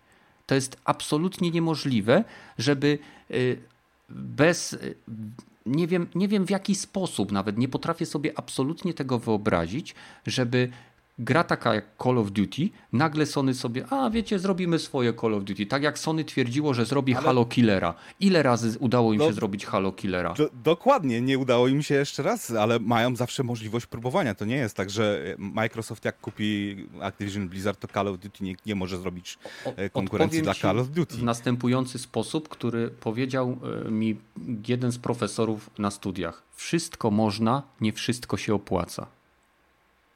Zgadza się. Wszystko można, nie wszystko się opłaca, ale takie rzeczy się już zdarzały w świecie gier, no. No, nie no możesz zaprzeczyć, Kiedy się że, zdarzyły że ostatni raz? World kiedy of Warcraft, World of Warcraft został chyba już prześcignięty przez Final Fantasy. Więc okej, okay, no dobra. World of Warcraft jest grą, która ma ile lat? 20? 18. 18. No, no to sorry, ale y, wszystko w pewnym pamiętam. momencie prześciąga wszystko. Call of Duty to nie jest gra, która ma 18 Aha, lat, okay. to jest gra, Dobra, która jest wydawana która ma... co rok czy co dwa. To jest nowa gra. 20 lat. Co, czyli ma, no właśnie. Ale to nie jest ta sama gra. To jest marka, to jest IP. Podczas gdy World of Warcraft był grą, która dostawała ekspansję, nadal pozostając tym samym tytułem, na tym samym poziomie technologicznym, zmieniając czasem modele postaci i lekko świat, w którym to wszystko się działo. Tak? A Call of Duty jest to gra, która co roku yy, chwali się nową technologią. Mamy psa, mamy ryby, które od ciebie odpływają, mamy to, tamto, sramto, Mamy wersję tylko wody. na rynek japoński albo chiński właściwie, która była niedostępna zupełnie. No, no, widzisz, no. więc to są zupełnie nowe jakby iterację danego, czy wersję danego produktu, który jest znany i lubiany, jak kolejna wersja Big Maca w McDonaldzie. Ile masz firm, które są w stanie zagrozić pozycji Burger Kinga i y, McDonalda na świecie? Co, Mr. Hamburger nagle wyskoczy i, i wybije zęby Ronaldowi McDonaldowi? Nie. Może być co najwyżej małą lokalną siecią, y, która będzie działała w Polsce. Mamy sklepy mm. Amazona, które y, na zachodzie są tymi bezpłatnościowymi, bez kasjerów i żabka może sobie stawiać pierdyliard żabek nano w Polsce, w fabryce Tesli czy w jakichś innych y, miejscach, ale nigdy nie wyjdzie poza swoje małe pole, ponieważ Bezos ich nadepnie swoim najmniejszym palcem i ich wykupi, jeśli tylko będzie chciał pewnych rzeczy nie da się przeskoczyć. Nie będzie kolejnego y, sklepu internetowego większego niż Amazon, ponieważ Amazon na to nie pozwoli, bo ma tak duże zasoby. Nie będzie kolejnego Call of Duty, ponieważ Call of Duty ma rzesze fanów i musiałoby, tak jak mówię, musiałoby chyba Activision implodować i przenieść się do innego wymiaru, żeby powstało cokolwiek innego. Nie będzie... Nawet przecież Infinity Warfare, jak było najbardziej hejconym Call of Duty, to i tak się świetnie sprzedało. Więc... Dokładnie. Ostatni Vanguard, który podobno najgorzej się sprzedawał, tak, też, i... też był chyba tak, w top ale... 3 y, we, na wszystkich rynkach. Właśnie, no właśnie, i to jest to, że. Najgorsza gra z Call of Duty sprzedaje się lepiej niż inne gry, no kurwa. No, to też jest prawda. Znaczy, tak samo, no, można powiedzieć, że wiesz, mamy Saints Row'a, wiesz, mamy różnych y, GTA killerów, ale żaden, nawet Red Dead Redemption 2 nie jest w stanie zagrozić pozycji GTA 5, która jest od 10 lat y, dojną krową, nie? Dla, dla całego, nie tylko Rockstara, ale i dla całej branży, nie? Więc dla mnie... I tylko GTA 6 może przebić to tak naprawdę. Wydaje mi się właśnie, że takie gry jak Call of Duty, takie jak GTA, w oczach nawet tych legislatorów, którzy nadzorują te rzeczy, mogłyby być, mogłyby takie, takie firmy pozwolić na przejęcie danej instytucji, czy wydawcy, czy twórcy, ale mogłaby być zaznaczona, że ten tytuł ze względu na jego wpływ na popkulturę i na jego obecność, czy wszechobecność w mediach i tak dalej, musi zostać multiplatformowy. I, i Dla mnie to, się wydaje zupełnie nie do wyegzekwowania na wystarczająco dłużej czasy, długiej linii czasu powyżej 3 czy 4 lat nie jesteś w stanie przewidzieć, co się stanie z rynkiem, co wybuchnie, co, e, jaka, jaki tytuł zacznie się nową, e, stanie się nową mobą, nowym Call of Duty. To jest zupełnie takie podejście typu, no musicie mieć tą grę, nawet jak ona nie będzie się już sprzedawała, e, musi być multiplatformowa, nawet jak nie będzie miało sensu, to żeby się na tej platformie sprzedawała. Bo wszyscy odejdą z, od platformy Sony, to, bo lepiej, żeby bo będzie tańsza na, na platformie Microsoftu na przykład. Więc taki, takie podejście zupełnie, absolutnie w prawie e, nie byłoby do wyegzekwowania, bo co, co by się stało, jakby nagle e, Sony się poskładało i sprzedają swoją cały Sony Computer Entertainment Microsoftowi albo komuś innemu, mhm. Embracer Group albo coś w tym stylu. No to, to wyegzekwowanie takiej umowy musiała być renegocjonowana, ewentualnie nie, niemożliwe do wyegzekwowania takiej umowy. Nie bo, no, to, bo to, tu... co, ty, to, co ty mówisz, że e, nikt nie może konkurować e, z, z kodem, no przecież kilka lat temu pojawił się Overwatch i jakoś dosyć dużo ludzi w tą grę grało. E, kilka Więcej lat temu pojawił niż się Call of Duty? Nie. Va Valorian. Valorant? Się poja Valorant się pojawił, to też jest, stała się no, zupełnie nowa gra, nowa, kon nowa konkurencja. Rynek I co, się... jest, jest lepszy niż CSGO? Więcej ludzi gra w Valoranta niż w CSGO? Nie wiem, nie, pod, nie, nie Bo wiem. Valorant jest konkurentem, czy raczej alternatywą dla CSGO. Dla CSGO. E, gra, o której wspomniałeś wcześniej. Kurczę. Wystarczy, że masz e, na tyle dużo kasy, żeby móc stworzyć dobrą grę i możesz się przebić. Powiedz to Amazonowi z, z The New World. Ile Amazon ma kasy? Jak stworzysz dobrą grę, to, to, to Wszystko to można, nie wszystko się opłaca. Nawet jak no, stworzysz najlepszą grę, y, to nie ma, nie ma gwarancji, że ona się przebije, ponieważ przyzwyczajenie i sentyment obecnej bazy graczy może być y, taki, że oni nie zmienią tego. Co z tego, że Valorant może być lepszy od CSGO, skoro są gracze CSGO, którzy nigdy nie przejdą do Valoranta? Co, co z tego, że w, e, gracze Call of Duty nigdy nie przejmą, przejdą do Fortnite'a, bo im się Fortnite nie podoba, skoro nowych graczy do Call of Duty e, zestarzeją się i umrą wszyscy. No. Ale gracze... Tak, wystarczająco długa ilość czasu, nie? Nie, no gracze... Słuchaj, jest też taka sprawa, że y, starsi gracze wciągają młodszych graczy w określone gry, tak? Mamy sytuację, gdzie gadamy z kimś i mówi, a zagraj sobie w Battlefielda, a zagraj sobie w Koda, a zagraj sobie w Fortnite'a. I bardzo często pierwsza gra, czy część, kilka pierwszych gier, w które zagramy, y, wygląda tak, że po prostu to są gry, do których nas ciągnie. Gracze z Battlefielda nie przechodzą do Call of Duty, albo przechodzą bardzo rzadko, a gracze z Koda nie przechodzą do Battlefielda. Dlaczego? To są też shootery FPS, ponieważ mają zupełnie inny gunplay. I no, tego, chociaż przy tego się nie da 2019 się udało. Po prostu dla niektórych to jest za duży wysiłek. Im więcej czasu poświęcasz na jeden IP, tym trudniej ci jest przejść do drugiego nie chcę, żebyśmy tutaj przeciągali, bo już no, jesteśmy no, po okay, ponad dobra, dwie godziny. Ale to pod, podsumowanie zróbmy. No podsumuj, okej. Okay. wiesz co, ja bym się nawet z tym dosyć śmiesznym podejściem Sony i tym prawnym podejściem twoim zgodził, gdyby Sony nie robiło tego od lat. Od lat mieli swoje wydawnictwo płytowe, gdzie wykupywali e, artystów e, na ekskluzywność. Tak samo było z filmami, jak jeszcze dobrze przędli, e, mhm. żeby były, pojawiały się w ich e, jakby bibliotece i żeby miały prawa do tej biblioteki, niezależnie od tego, czy to dobrze jest dla artystów, czy dobrze dla słuchaczy. Więc tutaj hipokryzja na takim poziomie w przypadku Sony jest e, Ale niesamowicie śmieszna. Tu się nie to, zgodzę to... z tym, bo nie, ponieważ zdobywanie praw do muzyki, której możesz słuchać na dowolnym urządzeniu i zdobywanie praw do filmów, których możesz oglądać na dowolnym urządzeniu, to nie to samo, co zablokowanie danej y, rzeczy, jak na przykład gra, taka nie wiem, jak Starfield, na platformie. Czy zabloko tak. zablokowanie, bo, bo, bo w tym właśnie... momencie nie masz dostępu do tego, nie możesz sobie y, na telewizorze odtworzyć Starfielda będziesz mógł, jak będziesz miał Xcloud, tak? Ale tak, tak, rozumiesz tak. o co mi chodzi, że e, Roz, Rozumiem o co ci chodzi. I dokładnie to Sony kiedyś robiło, jak kupywało pierwszy raz e, prawa do muzyki.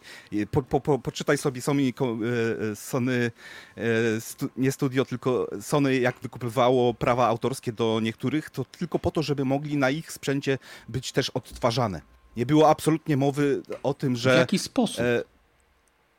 Kupywali całe studia Dobrze, ale co mieli, kupują mieli, nadal. Okej, okay, no to co mieli osobne kodowanie dla plików MP3 czy dla płyt CD, nie, nie, które nie, to, działały to, to, gdzie indziej? Bo ja nie rozumiem, w jaki to, sposób to musisz blokowali się dostęp. Do, musisz się cofnąć jeszcze do lat do, do wineli, do kaset, do CD. Do to w jaki sposób to blokuje? Są były jakieś specjalne odtwarzacze, które y, czytały tylko dane płyty, dane kasety, dane winyle? Jak? Tak. Nie, nie wierzę, kurwa. Po prostu nie wierzę, ale nie okej. Okay. Dla mnie po prostu wydaje mi się, że pewne rzeczy wyjdą oczywiście z czasem. E, fajnie się spierać i generalnie e, gdybać sobie na te tematy. Ja widzę po prostu niektóre tytuły jako odciskające troszkę większe piętno, czy większy, większy znak na, na branży i są takie tytuły zarówno po stronie Sony, jak i po stronie Microsoftu, jak i są takie tytuły na PC-tach. League of Legends na przykład. Na przykład League of Legends. Ile masz innych gier MOBA, które odniosły choćby zbliżony sukces do League of Legends? Nie Dota. Ma. Dota. Dota była pierwsza. Dota była pierwsza. Dota dwójka. Smite. Jaki Smite? Smite był takim sukcesem? Chyba nie. To, że... Nawet Heroes of the Storm nie było takim sukcesem. Dobra, to... ale to mówimy o trzech najważniejszych grach, no, no to... Ale jak mówisz MOBA, to ludzie myślą League of Legends. No, jak mówisz streaming, ludzie myślą Netflix, tak samo, nie? Że tak. to już, to już to same. Jak, jak myślisz o... podcast, myślisz, że gracz watch. jak mówisz o streamowaniu gier, to wszyscy myślą Twitch. Nie? Ile firm próbowało stworzyć alternatywę dla Twitcha? Mixer jakiś od Microsoft Microsoftu. kasy wydał. No i, i wygląda na to, że w tej chwili YouTube radzi sobie lepiej przy streamingu niż Twitch, ale czasy się zmieniają, nie? No i tak wszyscy idą na Twitcha. Nawet jak oglądamy e, eventy tutaj u nas na Discordzie, oglądamy je na Twitchu. To prawda, ja jestem chyba jednym z niewielków, którzy oglądają na YouTubie, można sobie zawsze cofnąć, spauzować. No. Mhm. Dobra, e, słuchajcie, bardzo mi się podobała ta wymiana zdań. Mam nadzieję, że e, Gragi e, Piechu was nie, nie e, zamęczyliśmy. Chce, macie jeszcze jakieś inne tematy, które chcielibyście poruszyć? Ja już chyba wyczerpałem wszystko, co chciałem. Ostatnio Sony y, ogłosiło swojego nowego pada, a teraz y, odpowiedział Microsoft, bo wypuszczają jakiś y, z tego Elita Elite dwójkę. Mhm. no. czy jakoś tak. I Sony odpowiedział o tym, że wypuszcza nowy ten model konsoli, czy ten nowy model tych Jezu. Płach, co można ten, że teraz będziemy mieli łaciatą konsolę i łaciaty kontroler żeby te wiesz, Ej, patenty. Żeby... Z tego czasu Microsoft się koncentrował głównie na wypuszczaniu y, kolorowych kontrolerów. Ja bym się tam nie czepiał. Sony też próbuje swoje wypuścić. Y, uważam, że Microsoft Elite 2 jest y, ciekawszym kontrolerem niż to, co robi Sony, ale głównie dlatego, że ma cztery łopatki, a nie dwie dodatkowo. DualSense Edge też będzie miał przecież te, te łopatki. Ale tak, po jednej sztuce, po jednej sztuce na lewo i na prawo. Nie będzie miał czterech, tylko będzie miał dwie, my friend. Mm. Więc to jest o dwa przyciski mniej, które możesz remapować. I jeszcze Sony pewnie sobie zażyczy więcej Znaczy, tu trzeba też wziąć pod uwagę, wziąć pod uwagę, że y, ten kontroler Microsoftu jest y, podana cena bazowa, ponieważ zamawiając go można właśnie domawiać sobie różne rzeczy. Więc on tam chyba ma 129 w podstawie, nie? I, i później tak, pod tego idziemy dolarów. do góry. Tak, dolarów, dolarów oczywiście. Więc... Full wersja chyba. Pewnie około 200 chyba 169 albo 189. No, więc jeśli miał, jeżeli Sony da więcej niż 130... Wiem, wiem że ten zestaw dodatków kosztuje chyba 60 dolarów niecałe, 59,99 jakoś No, tak. jak się zamawia taki kontroler, to już się bierze full opcję, bo to jest bez sensu według mnie później domawiać. Ale znaczy, jak Sony jak da więcej ma... niż 130 dolarów za swoją, to ja wiem, że DualSense y, zresztą DualSense ma bardzo fajne opcje, tak? Haptyczne triggery, te wibracje i, i, i, te rzeczy, które się tam dzieją, bardzo mi się podobają. W mojej opinii w wielu grach e, poza tytułami sieciowymi pomaga mi to w wczuciu się w niektóre gry, ale sam kontroler jest biedniejszy niż to, co oferuje konkurencja. No i zobaczymy, jak, jak Sony to wyceni. Okej. Okay. Mm, co jeszcze ciekawego? Coś wam wpadło, czy będziemy po prostu kończyć? możemy kończyć. Możemy kończyć. Znaczy, no tak. no mówię, chyba, że chcesz pogadać, mówię, o tych zapowiedziach Disneya serialowych i, nie. i, i filmowych. Nie. Bo, Też bo nie. nie. nie jedyne, tam, tam się jedyne, trochę podziało. Y, jedyne, co kumpel mój jest podjarany, to konferencja ten Konami w przyszłym tygodniu ma być. O, znowu a, będzie o czym pomówić. będzie o czym pomówić. A Zobaczymy, czy się spełni jego marzenie, że nowy Silent Hill przez, czy re, remake Silent Hilla będzie. Tak, te przecieki z Bluebera, tak? tak tej tak. koncepcyjnej, co tam zgłaszali i coś tam, coś tam. Nie wiem, zobaczymy. Ja tam pierwszego Silent Hilla i drugiego Silent Hilla i trzeciego i czwartego Silent Hilla w dobrym remake'u bym łyknął z przyjemnością w jakimś fajnym pakiecie. Nawet w pełnej za, cenie. Za parę, dni, za parę dni jest Tokyo Games Show. Mhm, o, też. tak. No. O, nie, to czyli co, za tydzień znowu gadamy o eventach po no, no, przygotujcie tak. się słuchacze nasi drodzy, że będziemy e, za tydzień e, znowu o eventach. No i o premierach. No, premierach. Tam się, no, no ten Metal Hellsinger. Metal no, ja, ja, ja, już czekam na preorder właśnie, aż przyjdzie, nie? Day One Game Pass, więc też czekam.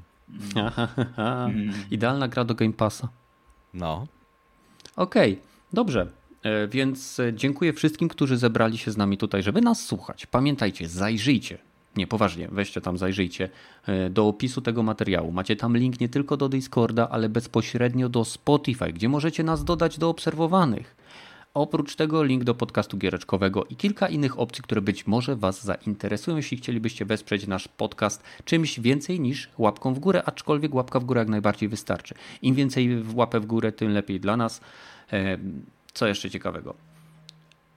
Jak się uda, to będziemy na żywo. To, o czym jeszcze nie powiedziałem. Hmm. Chyba o wszystkim, nie? Chyba o wszystkim. Pytania no. jeszcze może do, dla widzów. Nie no, pytania żeby... to dopiero jak na, na ekranie końcowym. Aha, jeszcze nie no. widzę ekranu. A, wiem czego nie powiedziałem. Aha. Dziękujemy za oglądanie i do zobaczenia w kolejnym odcinku. Tak szybko, jak to będzie możliwe. Trzymajcie się, cześć. Cześć. Pa, pa. Cześć. O, ale miałem zwis pod koniec, po prostu nie wiedziałem, co mam powiedzieć. Mhm. Zapomniałem. Okej, okay, więc jeśli chodzi o pytanie, ja mam jedno pytanie dla naszych słuchaczy, którzy z nami tutaj wytrwali do samego końca. Y, co kieruje waszą decyzją o zakupie DLC do gry, którą lubicie? Czy w ogóle sprawdzacie, y, co zawiera DLC? Czy bardziej jesteście skłonni kupować DLC, które zawierają fabułę, czy bardziej jesteście skłonni kupować DLC, które wzbogacają waszą rozgrywkę o dodatkowe tryby lub dodatkowe wyzwania? E, jak to wygląda z waszej strony? E, jeśli o mnie chodzi, to ja zawsze sprawdzam, e, jak DLC wygląda, co, co mi oferuje, i jeżeli ocenię, że jest ono warte swoich pieniędzy, no to wtedy je zakupuję. Jak to u Was wygląda? Gragi? To u mnie wygląda to tak, że ja zazwyczaj kupuję te DLC-ki, które oferują fabularną zawartość, tak? Ewentualnie, no takie było drzewiej, czyli map pack, nie? Jeżeli coś mhm. takiego faktycznie wartość dodam, bo jeżeli to są, wiesz, DLC w stylu e, darmowa skórka dla konia albo e, nie wiem... E, Darmowe DLC ściągam wszystkie. Tak, albo tak wiesz, w stylu y, ścieżka dźwiękowa do pobrania, w sensie takie rzeczy, które nie wnoszą nic do gry samej w sobie, mhm. no to, to odpuszczam, ale jeżeli mówię, dostaję informację 10 godzin y, fabularnej rozgrywki, która ci wzbogaci to, co już widziałeś, albo jest alternatywą wersją tego, spoko, biorę, nie ma problemu, nie? Przykład nawet tego Assassin's Creed'a, nie? Ja powiedzmy dlatego e, czasami lubię rzucić okiem na Valhalla czy na Odyssey, bo tam wiem, że co jakiś czas dostanę misję, czy nawet cały szereg tam 10 godzin kampanii nowej, nie? To, to jest mój taki, że właśnie ja wtedy dobra, biorę bez względu na cenę, nie? Dobra. Gorzej, jeżeli jest tak jak na przykład w Mortal Kombat, gdzie dostaję y, dwie godziny rozgrywki za 100 zł, no to wtedy jest trochę słabo, nie? Bo ja hmm, też patrzę na to, ile na to, wystarcza. No, okay. no, dosłownie. Dobra, dobra. Rogaty? Ja DLC kupuję też głównie fabularne, ewentualnie jeżeli tam będę miał z kim grać w te dodatki multiplayerowe, no to mogę się skusić, ale to mi się mhm. rzadko zdarzy. Swego czasu kupowałeś e, pakiety premium do Battlefielda? W sensie. Te... Do trójki dostałem, do czwórki kupiłem. Ja też do czwórki Więc... kupiłem cały premium pass. Okej. Okay. Ja do trójki ja, ja kupowałem osobno. Okay. Ja do trójki kupowałem osobno, a do czwórki kupowałem. Ja to raczej za DL, no, nie, nie, nie biorę się za DLC-ki, chyba, że to są y, takie, że nie trzeba podstawki. Aha, czyli standalone. Jak... Standalone, mm, tak. Mm, mm, mm, jak było tak, Those Left Behind, to... y, y, co tam było? Tak jak z Unchartedem było, y, czy tam Spider-Man Miles Morales. Tak. Tak. Zaz, zazwyczaj podstawka mi wystarcza. Okej, okay, okej. Okay. A najlepiej jest jak wydaje, dostajesz e, edycję Game of the Year i wszystko co wyszło masz już w jednej płycie, więc ja wtedy też na, najczęściej tak to robię, że jeżeli jakiś tytuł singlowy dostał Game of the Year Edition, gdzie mam, nie wiem, cztery dodatki, tak jak właśnie przykład mieliśmy ze Spider-Manem, nie? Bo tak jak Dlatego ja na przykład wziąłem właśnie tę najdroższą wersję z Milesa Moralesa, bo nie dość, że mieliśmy Milesa, który wystarczał na jakieś tam 8 godzin, to jeszcze dostajesz postawkę, która ma cztery dodatki z PS4, więc dla mnie to jest, mówię, to jest dla mnie najlepszy deal, żeby kupić. W przypadku oczywiście gier singlowych, bo jeżeli mamy gry multi, no to wiadomo, że te mapaki chociaż się od tego odchodzi na rzecz właśnie live serwisu, żeby te mapaki były za darmo, nie? Nie wiem, co dodać. Myślę, że zakończymy. Okay. może, może ostatnie pytanie, jak oceniacie e, te, te e, pokazy? Te pokazy? No bo ja takie Ubisoftu 5 na 10, a te od Marvel Disney takie 4 z minusem na 10. Mm. Okej, okay, no to, to, ja mam... W komentarzach niech, niech ludzie się wypowiedzą, bo dużo ludzi mówili, że 1 albo 2 na 10 to tak trochę, no dobra, przesada. Nie, 2 na 10 to jest przesada, to jest absolutnie nic. Ja myślę, że jeśli chodzi o Ubi, ze względu na gry, które mnie interesują, to bym dał takie 4,5-5 max. Połówek nie, daje, nie dajemy. Hmm. Okej, okay, niech będzie 5. Jeżeli chodzi o Disneya, to 3 bym dał. Za dużo mobilek. Mhm. Gragi? Tylko szybko? Tak samo. Tak samo? Tak samo. 3 na 10 dla Disneya, 5 na 10 dla Ubisoftu. Piechu? Ja w obu przypadkach po 3 na 10. Y, Disney w ogóle nie pokazał, znaczy no, dwie gry pokazali, co mnie zainteresowały, a znowu Microsoft nie usypiał. Ubisoft. Y, Ubisoft, sorry. Ubisoft mnie znowu y, przysypiałem tam i musiałem złapać za Switcha, żeby nie zasnąć. I tylko tak zerkałem. Okej. Okay. Takie 3 na 10. No to kończymy. Pora zakończyć. Papa, hej, hej, cześć. Hej. Cześć. Co? Co? O. Zakrztusiłem się. Okej. Okay.